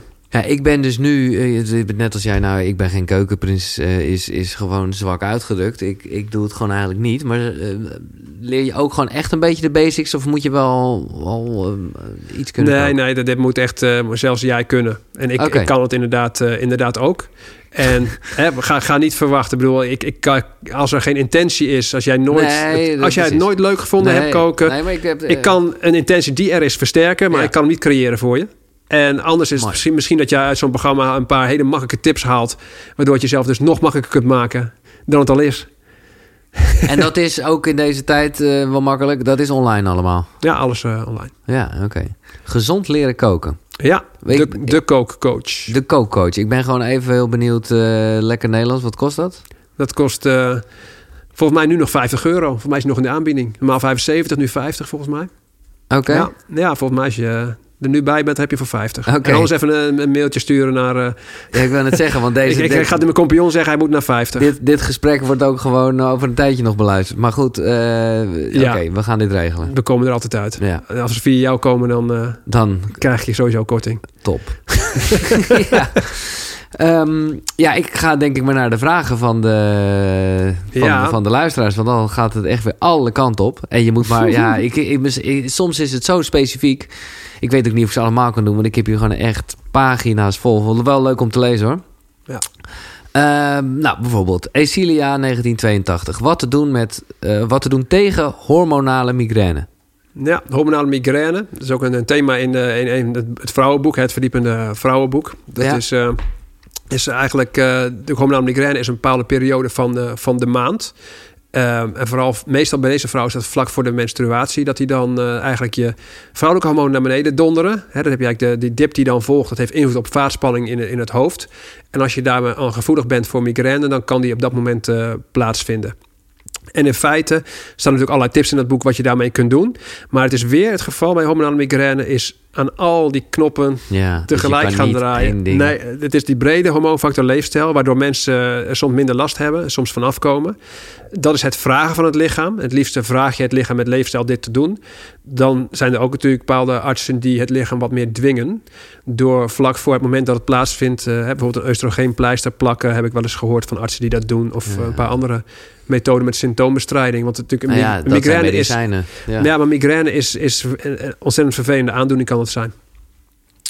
Ja, als we dan toch inderdaad de menstruatie al aangetikt hebben, dan eh, doe ik daar gelijk maar even een paar over. Ja. Sowieso, eh, als je dat even niet hebt, door bijvoorbeeld sporten of stress, dat is eh, eigenlijk de vraag van Tjitske. Ja, dan is de vraag ook, hè, sporten of stress. Het kan natuurlijk ondergewicht zijn ook. Ja. Eigenlijk of ja, gewoon een laag vetpercentage. Veel topsporters hebben daar ook last van. En de combinatie van een laag vetpercentage met die sport maakt de kans groter. Sowieso per vrouw verschillend op welk vetpercentage valt de menstruatie eruit. Dat is bij de een wat hoger dan bij de ander. Dus dat is ook nog een keer eh, eh, de vraag. En je kunt niet eh, zeg maar hetzelfde vetpercentage houden en dezelfde manier van trainen. Eh, en dan iets in je voeding veranderen waardoor het terugkomt. Nee. Nee, het vetpercentage moet dan echt omhoog. En de stressbelasting vanuit training eh, bijvoorbeeld zou dan omlaag moeten. Dat is helaas, en dat is misschien ook een, eh, ja, een, vraag die veel fit girls hebben. Hè, die dan eigenlijk hetzelfde lichaam willen houden, maar dan toch de menstruatie. Ja, dat kan eigenlijk niet. Het is voor jou dan persoonlijk geen optie eigenlijk. Nee, oké, dat is nog wat. Ehm, ja, ik ga de laatste menstruatie doen hoor. Ja, Eh, en dit, dit gaat met name ging dit over eh, hè, door, door laag vetpercentage en stress dat je Ja. geen menstruatie hebt. Het kan ook eh, PCOS zijn. Oh, is het dat is- hetzelfde iets als PMS? Nee, dat is weer wat anders. Oh god. Ja. Meerdere eicellen tegelijk rijpen en geen ijsprong. Daar is 80% heeft daarbij wel overgewicht. Dat is metabool syndroom. Eh, en die heeft daardoor een onregelmatige cyclus. 20% eh, heeft een normaal vetpercentage, maar die heeft heel veel stress. En bij de 80% werk je natuurlijk aan afvallen, eh, bloedsuiker in het gereel krijgen, eh, dat soort dingen. En bij 20% is echt stress de focus. En PMS, heb je nog tips? Ja, PMS is natuurlijk ook hetzelfde moment. Hè? Dus eh, bij de menstruatie dat je dan inderdaad mentale klachten krijgt. Dat komt ook door een schommeling van, eh, van oestrogeen. En dat communiceert met serotonine in het hoofd. Dat is natuurlijk een, een pretstofje. En dat wordt op dat moment minder. En daar kun je vervelend van worden. En dat kun je oplossen door domme dingen te doen. In ieder geval onverstandige dingen. Zoals eh, allerlei chocola gaan eten en noem maar op. En op zich eh, voorkom je dat niet altijd hoor. Dat je eetgedrag eh, verandert. Maar daarnaast is het ook zo. PMS wordt gewoon een stuk erger. Je wordt er gevoeliger voor wanneer je chronische stress hebt. En dat is eigenlijk wat ik meestal toch wel bij vrouwen zie. Maar wat raad jij aan om tegen stress te doen? Ja, dat is een heel breed verhaal weer. Ja. Ja. dat is eigenlijk... nou, één makkelijk ding kun je sowieso doen. Jezelf vragen, wat geeft je energie, wat kost je energie? Dat is echt als je daar een lijstje van maakt en je gaat daar keuzes in maken, dan heb je al een heleboel opgelost. Ja, okay. Um, dan is het ook nog de vraag. Uh, welke stresspersoonlijkheid heb je? En daar zijn weer therapieën natuurlijk voor. Hè? Dus als jij een perfectionist bent of een compulsief helper, dan maak je stress groter dan die is. En er zijn de absolute stress, dat uh, zegt eigenlijk weinig. En er zijn mensen die heel uur per week werken, heel veel meemaken en in balans zijn. Super leuk, ja. Maar die hebben gewoon niet, niet de stresspersoonlijkheid aanstaan. Nee. Dus dat... Dat is het ding, ja. Ja. Nou, de laatste, maar dat heb je misschien al een beetje gezegd. Wat te doen tegen veel hoofdpijn rondom de ovulatie en menstruatie? Ja, dat is eigenlijk het, uh, ja, hetzelfde, hetzelfde Tot zover uh, de menstruatie. Ja. Um, wat, wat breder tenminste, nou ja, dit, ik weet dat uh, voor alle vrouwen geldt, maar dit kan ook weer voor mannen gelden. Hoe pak ik mijn darmen concreet aan? Ik eet al gluten en lactosevrij, maar het is alsnog niet top. Nee, dus dat is de, de vraag. Je kunt het kunnen bijhouden. Hè, in een bepaald eetdagboek dat je kijkt van hoe reageren mijn darmen. Iedere keer ernaast zetten, dan kun je wat dingetjes uh, ontdekken. Maar dan uh, komt die stress ook weer kijken, toch? Ja, dus dat is ook de vraag. Dus je eigen stress er ook bij. Hè? Die zal je gewoon een beetje ja, algemeen ja, ook moeten zeggen van hoe verloop je dag, wat gebeurt er allemaal. Dus dat heeft ook uh, een grote invloed. Um, dan hebben we daarnaast natuurlijk ook nog de optie om naar een darmtherapeut te gaan. Die kan ook je ontlasting doormeten en daarvan allerlei dingen in ontdekken. Dat is, dat is een goede. En dan hebben we daarnaast nog, wat, wat ik in het begin ook een beetje zei, is die uh, voedselovergevoeligheid testen. Alleen daar moet je vanuit gaan dat die niet heel specifiek zijn. En dan bijvoorbeeld heb je een lijst van 100 voedingsmiddelen. Mm -hmm. En dan zie je dan uh, één plusje of meer als je ergens gevoelig op reageert. Uh, dat kun je als een soort ingangssituatie nemen. En als je dan ergens hebt met drie plusjes, die ga je uittesten in de praktijk. Want dat moet je altijd doen. Hè? Dus je ziet wel plusjes staan, maar in de praktijk weet je het pas echt. Ja, dat is dus da, dus ja. daar kun je je zoektocht in ieder geval wat, wat gerichter beginnen. Hè? Want ja. als, als alles verdacht is, dan wordt het heel lastig. Ja. Dan wat algemene vragen echt over hormonen. Uh, ik, ik, ik doe ze even allemaal en ik denk dat je wel uh, dat dit kan koppelen. Wat zijn echt hormoonkillers en wat zijn boosters? Hoe krijg ik meer inzicht in mijn hormonen? Hoe houd ik ze in balans? Wat kan je doen tegen hormoonschommelingen? Allereerst, hoe krijg je inzicht in je, in je hormonen? Het mooie is dat hormonen zich heel vaak kenbaar maken door middel van symptomen. Daar hebben we natuurlijk hele lijsten voor. Ook bij, bij de, op mijn site dan kun je gewoon een, een test doen. Mm -hmm. En dan heb ik je e-mailadres en dan uh, ben je van mij. Ja, precies. dus, dus, zit je in de ram. Dus dat kan ook. Het staat natuurlijk ook in het hormoonfactorboek ja. uh, staan die, uh, die checklists. Goed, en daarna heb je natuurlijk uh, kijkers vanuit de helikopterview op leefstijl. Ga je op zoek naar de hormoonkillers voor Ja, jou. ja, ja, ja. En je hebt natuurlijk bij die symptomen al bepaalde hormonen die misschien wat verdachter zijn. En daar zijn ook weer specifieke oorzaken voor waar je wat meer naar kijkt. Maar goed, je kijkt naar voeding, training, stress en mentaal. En je gaat kijken waar kun je als persoon het meest winnen. Dat is eigenlijk altijd het beginpunt. Ik ga niet naar details als de grote lijn nog niet goed is hoor. Nee, Dus nee. dat is echt wel een, uh, wel een ding.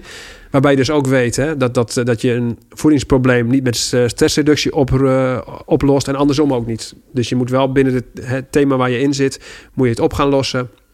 En vaak als je zo gaat kijken, dan, dan kom je eigenlijk met een paar stapjes al heel ver. Dus de eerste stappen op grote lijnen, daar kun je het meest winnen. Daarna kun je nog naar details gaan. Fine-tuning, ja. Maar meestal is die, die, grote, die grote stappen zijn al voor mensen moeilijk genoeg om dat in te bouwen in hun leefstijl. Maar kan je, kan je zeggen, wat een beetje gevraagd werd, dat er bepaalde hormoonkillers en boosters zijn tegen mood swings? Um, bij mood swings, ja, de, de, de bloedsuiker sowieso stabiliseren. Dat is natuurlijk ja. een van de dingen die heel erg belangrijk uh, is. En daarnaast is het weer zo. Uh, alle dingen bij elkaar zijn belangrijk. Het is belangrijk dat je darmen in balans zijn. Uh, verstoorde darmflora en, en uh, als je iets eet wat je niet goed verteert, maakt ook uh, een mood swing bij mm. heel veel mensen. Ja, ja. Dus je bent weer eigenlijk bezig met de brede leefstijl. extra aandacht voor de darm zou ik hierbij zeggen. De vertering is cruciaal. Ik weet zelf ook, glutensensitief. Als ik dat neem, dan moe en wat gevoeliger. Ja. Dit vind ik wel een goede vraag van Evelien. Wanneer is spanning adrenaline en wanneer is het cortisol? Nou, cortisol uh, is eigenlijk, dat reageert veel trager dan de fight-or-flight reactie. Ja, dat is adrenaline rush, is echt Bam, nu. hardcore. Dat is Ja. meteen, dat staat, staat een leeuw voor je, je moet rennen of weet ik veel wat. Dat, dat is echt uh, de adrenaline rush. Die cortisol komt veel later en cortisol die reageert wat meer op langdurige stress. Um, en hij reageert ook, wat vaak vergeten wordt, op ontsteking. Dus als jij uh, door je leefstijl allemaal laaggradige ontstekingen hebt heb je stress uh, terwijl je het niet door hebt. Ja. Dus je blijft maar anticiperen op die, uh, op die ontstekingen. En er zijn ook mensen die ze allebei heel veel gebruiken. wat ik bijvoorbeeld zie met mensen met ADHD, of soms zelfs vaak is het juist een trage schildklier bijvoorbeeld, en wat weinig energie hebben, die zichzelf oppeppen met zichzelf adrenaline aan te jagen. Dat kan ook een overlevingsmechanisme worden. Dus dat zie je soms ook. Hmm. En het volgt altijd naar elkaar. Eerst adrenaline en dan een tijdje later komt cortisol. Ja, sowieso. Ja, in ieder geval bij de heftige stress. Er komt Ja, altijd ja. nog cortisol achteraan. Cortisol kan bij ontstekingen ook, ook autonoom eh, functioneren, de bijnierenschors. Eh, maar eens even kijken. Ja, een hoop dingen hebben we al wel in het gesprek behandeld. Ja, acne of... eh, nou ja, waar je dan op moet letten. Kan je dat? Ja, ac- acne, dat is natuurlijk een combinatie van een, de talgaanmaak Ja, en ontstekingen.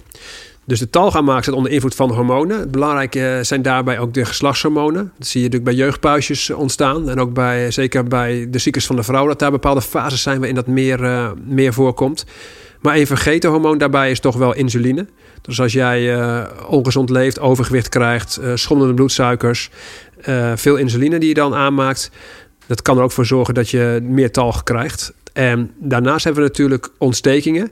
En dat vind je heel vaak in voedselovergevoeligheden. Dus het kan zijn dat je heel veel talg aanmaakt, maar geen puisten krijgt. Dan heb je gewoon een vette huid. Maar als je puisten krijgt, ligt er ook wel een ontstekingsbron. En die vind je bijna altijd op darmniveau. Zij het in onderzoek dat ze iedere keer zeggen van ja, er is geen verband aangetoond. En dat komt omdat we allemaal op iets anders reageren. ja, ja. Dus als je bij NS1 gaat kijken, hè, dus, dus maatwerk levert, ja. dan vind je hem heel vaak toch wel in je voeding. En ik zelf, eh, eh, er zijn allerlei soorten acne. Ik heb het zelf puisten op mijn rug, is voor mij altijd wel een thema geweest. Op een gegeven moment was ik eh 30 en denk van, hé, hey, dat zijn geen jeugdpuisten meer. En dat was dus bij mij eh, de combinatie van gluten en, en het eiwit van zuivel, caseïne. Ja, ja, ja. Dit is wel een goeie van Tessa. Klopt het dat je hormonaal uit balans raakt nadat je overspannen en een burn-out bent geraakt? En dat het dan een tijd duurt voordat je weer in balans bent? Ja, in feite, hè, als we het over het hormoon cortisol hebben, een van de stresshormonen, daar heb je de fase waar je het heel veel aanmaakt. Waar je in het begin heel veel stress hebt, bijna high bent van de stress en je alles nog aan kan. En soms kun je zelfs verslaafd worden aan die stress. Dat gaat eigenlijk nog lekker. En je hebt vaak helemaal nog niet door dat je klachten hebt. En misschien dat je een keer moe bent, maar een weekend, en een weekendje uitrust en je bent er weer. Dat is geen probleem. Maar je gaat net zo lang door tot je op een gegeven moment in het ravijn valt. Dan heb je natuurlijk de burn-out. En dan zie je dat de cortisol aanmaakt niet meer goed anticipeert op het zenuwstelsel. Dus cortisol zou je s'morgens wakker moeten schoppen. Dat is echt zo'n wakkermaakhormoon. Je wordt moe wakker, dat, dat werkt dan niet meer. Hij anticipeert niet goed op bloedsuiker. Dus je hebt vaak lage bloedsuiker en lage stressbestendigheid. En hij anticipeert niet goed op ontsteking. Dus dan krijgen we netelroos, gordelroos. Allemaal van die dingen die Ja, bij ja. burn-out ontstaan. Ja, ja. Dus dat is de combinatie. Dat, dat, dat is een term voor die de arts niet erkent. Dat is bijnieruitputting. Dat is eigenlijk van het Amerikaanse boek eh, Adrenal Fatigue van Wilson. Dat is een bekend boek. Dat is een, eh, ja, het is ook een syndroom. En syndroom is niet echt duidelijk een, eh, een oorzaak van. Dus, dus zo wordt het genoemd. En daar kun je dus wat meer over vinden. Dus als je op bijnieruitputting zoekt, dan lees je dit. Maar jij bent dus wel echt zo'n guy. Jij, jij, jij kan gewoon aan iemand zien, bij wijze van spreken, of, de, of het een burn-out is. Eh, ja, ja, veel. Als ik al, al zie als iemand bijvoorbeeld niet lang kan focussen. Er is zelfs een zak, zaklamtest voor. Hè? Als het, natuurlijk, het, ook men- mentale burn-out is een bore-out eigenlijk. En je hebt lichamelijke burn-out. Dat, dat verzamel je onder veel. bijnieruitputting. Je kunt eh, met een zaklamp inderdaad boven iemands oog schijnen. En normaal ges- gesproken dan kun je, kan je pupil samentrekken. In dit geval wil die terug. En dat betekent ook dat als iemand kan niet goed in scherp licht kijken. Die kan niet goed tegen prikkels. En dat is een van de symptomen. En besef, hè, we hebben complete symptomenlijsten. Eén symptoom is geen diagnose. Nee. Maar ik heb natuurlijk ervaring met welke symptomen het belangrijkste zijn eh, om dat eh, te zien. Maar dat zie je dus gewoon... eh, ja, ja, wat zeg je er dan wat van? Als je dat bij iemand eh, is, hè, die niet om advies nou, gevraagd ik heb dan al een vermoeden. Hè? Nee, Ja, ik, zal nooit iemand, iemand ongevraagd advies geven. Dus- Never. Dus, dus misschien denk jij wel... dat is het stomste wat je kunt doen. Ja, nou ja, oké. maar Ja. eh, maar dan, oké, nou, dan, dan vraag ik het nu wel. Is er iets wat je bij mij ziet waarvan je denkt... oh, nou, ik denk eigenlijk dat, dit een, dat hij hier last van heeft? Nee, ik denk, jij, jij, bent echt, ik denk dat je gigantisch veranderd bent. Ook als ik eh, Ja, dat jouw hele uitstraling zie. Ja. Al, eh, ik denk dat jij er veel beter bent dan, eh, dan twee jaar geleden, denk ik. Ja. Dat is echt... eh, Maar we niet kunnen focussen. Maar goed, dat heeft ook maar gewoon met... Er is ooit ADD-stempel ja, maar dat is geen bijnieruitputtingsmanier. Dat, is, dat is wat ik niet zie. Nee, precies. Nee, dus, eh, maar goed, dan moet ik met jou eh complete symptoomlijsten doorgaan. Hè? Het is niet dat ik in één oogopslag Nee, al nee, zie. En ik ben ook niet paranormaal, zeker niet. Gewoon veel ervaring en eh, veel gelezen. Eh, is er een relatie tussen sugar cravings en hormonen, wil Dominique graag weten. Jazeker. Ja. Maar wat is een sugar craving? Dat is altijd de grote vraag. Hè? Veel mensen denken verslaafd te zijn aan suiker. Maar ik zet suikerklonten voor die persoon neer en die, die gaat Nee. niet suikerklonten eten. Nee. Maar het is meestal suiker-vet-zout combinaties eh, Ja, ja, wat het probleem is. En je craeft naar eh, die combinatie. En dat zorgt voor pretstofjes die dan vrijkomen. Ja, ja, ja. Ja, en dat is deels hormonaal. Kijk, hormonen kunnen dat probleem wel versterken. Dus als jij ook nog eens een keer door een slechte insulinewerking veel bloedsuikerdips hebt, dan, dan krijg je nog meer eh, last daarvan. Iemand met een trage schildklier krijgt ook cravings. Dat is eigenlijk van de, grootste reden waarom mensen aankomen met een trage schildklier. Is niet dat, dat de verbranding omlaag gaat, maar omdat het eetgedrag verandert door eh, serotonine die minder wordt. Eh, slecht slapen, overdag minder serotonine. Hè, dus eigenlijk, eh, overdag heb je serotonine, s'nachts melatonine. Ja. Overdag minder serotonine zorgt ook voor meer cravings. Dus Ja. de basisleefstijl kan je daarbij helpen. Daarnaast hebben we nog een factor die buiten hormonen ligt. Dat is gewoon eten zonder honger. Dat is echt mentaal eetgedrag. Ja, ja, ja, ja. Ook die moet je gaan tackelen. Ja, en dan ben je echt op eh, cognitieve gedragstherapie bezig op, op voedingsgebied. Ja, ja, Dat is weer anders. Ook wel, ja. En ik, eh, daar had ik nog zelfs nooit van gehoord, maar ik kende dat wel een beetje uit mijn eh, wat, iets wat overdreven sixpack tijd, zeg maar eventjes. Je kan ook koolhydraatcravings hebben. Koolhydraatcravings. Ja, hoe, hoe, hoe, hoe omschrijf jij dat? Wat voel je dan? Nou, dat je gewoon heel slap bent en dat je op een gegeven moment Ja. gewoon eigenlijk even geen grens meer lijkt te hebben. Dat je gewoon heel erg voelt vanuit je soort basis, gewoon dat je denkt, Ja, heb je en, dat, en dat is, maakt niet eens uit of, je, of, of het petstoffen vrijmaakt, maar het is gewoon echt een lage bloedsuiker. Ja. Dat kan natuurlijk ook. Ja. Dus dat is, net, dat is wel echt wat meer een oer eh, eetgedrag hoor. Niet mentaal eetgedrag. Nee, nee, nee, oké. Dus daar moet je dan ook maar een beetje aan toegeven. Lijkt me wel, maar we, ja, we weten nu ook al lang dat je in een fantastische shape kunt komen zonder belachelijk laag in, je koolhydraten te gaan. dat is helemaal niet nodig. Nee, nee, nee. Eens even kijken. Ja, ik, weet- je maar dat is eh, altijd als ik jou te gast heb, eh, dan blijft het maar doorgaan met die vragen. Eh, dus ik verwijs mensen dan gewoon eventjes fijn naar eh, de hormoonfactor.nl. Toch? Bedoel ik. Ja. Ja, en Facebook communities van alles hebben we. Joh. Dus als je je echt erin gaat ver- verdiepen, dan, dan, dan gaat de wereld voor je open. Ik, ik, ik zie er nog eentje waarvan ik denk, maar dat ja, ik vind het wel mooi dat jij eigenlijk, ja, jij beperkt je echt een beetje tot de voeding. Al zeg je natuurlijk ook wel dat het heel erg gaat over die gevoelskwestie. Maar ik ben benieuwd, dit is de vraag, hoe ondersteun je het mentale stuk bij afvallen en overgangsklachten in, dan, in dit geval? Maar dat is, Ja, eigenlijk kun je het zo zien. Ehm, hormonen kunnen je eh, het eetgedrag een stuk moeilijker maken. En wat we net niet genoemd hadden met cravings, overgang, Mhm. is er ook een fase. Met name, je hebt eigenlijk een fase waarin de hormonen nog schommelen. Dan zie je oestrogeen schommelen en serotonine ook. ja, En dat, dat leidt ertoe dat de vrouwen in de overgang eh, vaak wat meer gaan eten door die schommelende eh, serotonine. En eigenlijk wat ik dan moet zeggen, in die situatie moet je nog gemotiveerder zijn dan normaal. ja, dat is echt wat je... Ja, het is echt zo. En da- daarom zeg je soms, eh, kun je misschien een ander veroordelen van als iemand ongezond leeft van, ja, kom, kom op man. Ik bedoel, het lukt mij toch ook? Het is echt per persoon verschillend. De ene persoon heeft het gewoon een stuk lastiger en moet veel meer het gevecht aan met sowieso mentaal verleden vanuit zijn jeugd. Ja, En ook nog eens een keer of de hormonen meewerken of niet. En wat je natuurlijk met hormoonfactor probeert met al die leefstijlaanpassingen, dat de hormonen beter in balans komen, waardoor ze je wat meer te vriend zijn. Waardoor het makkelijker wordt. Dus dat is eigenlijk de combinatie.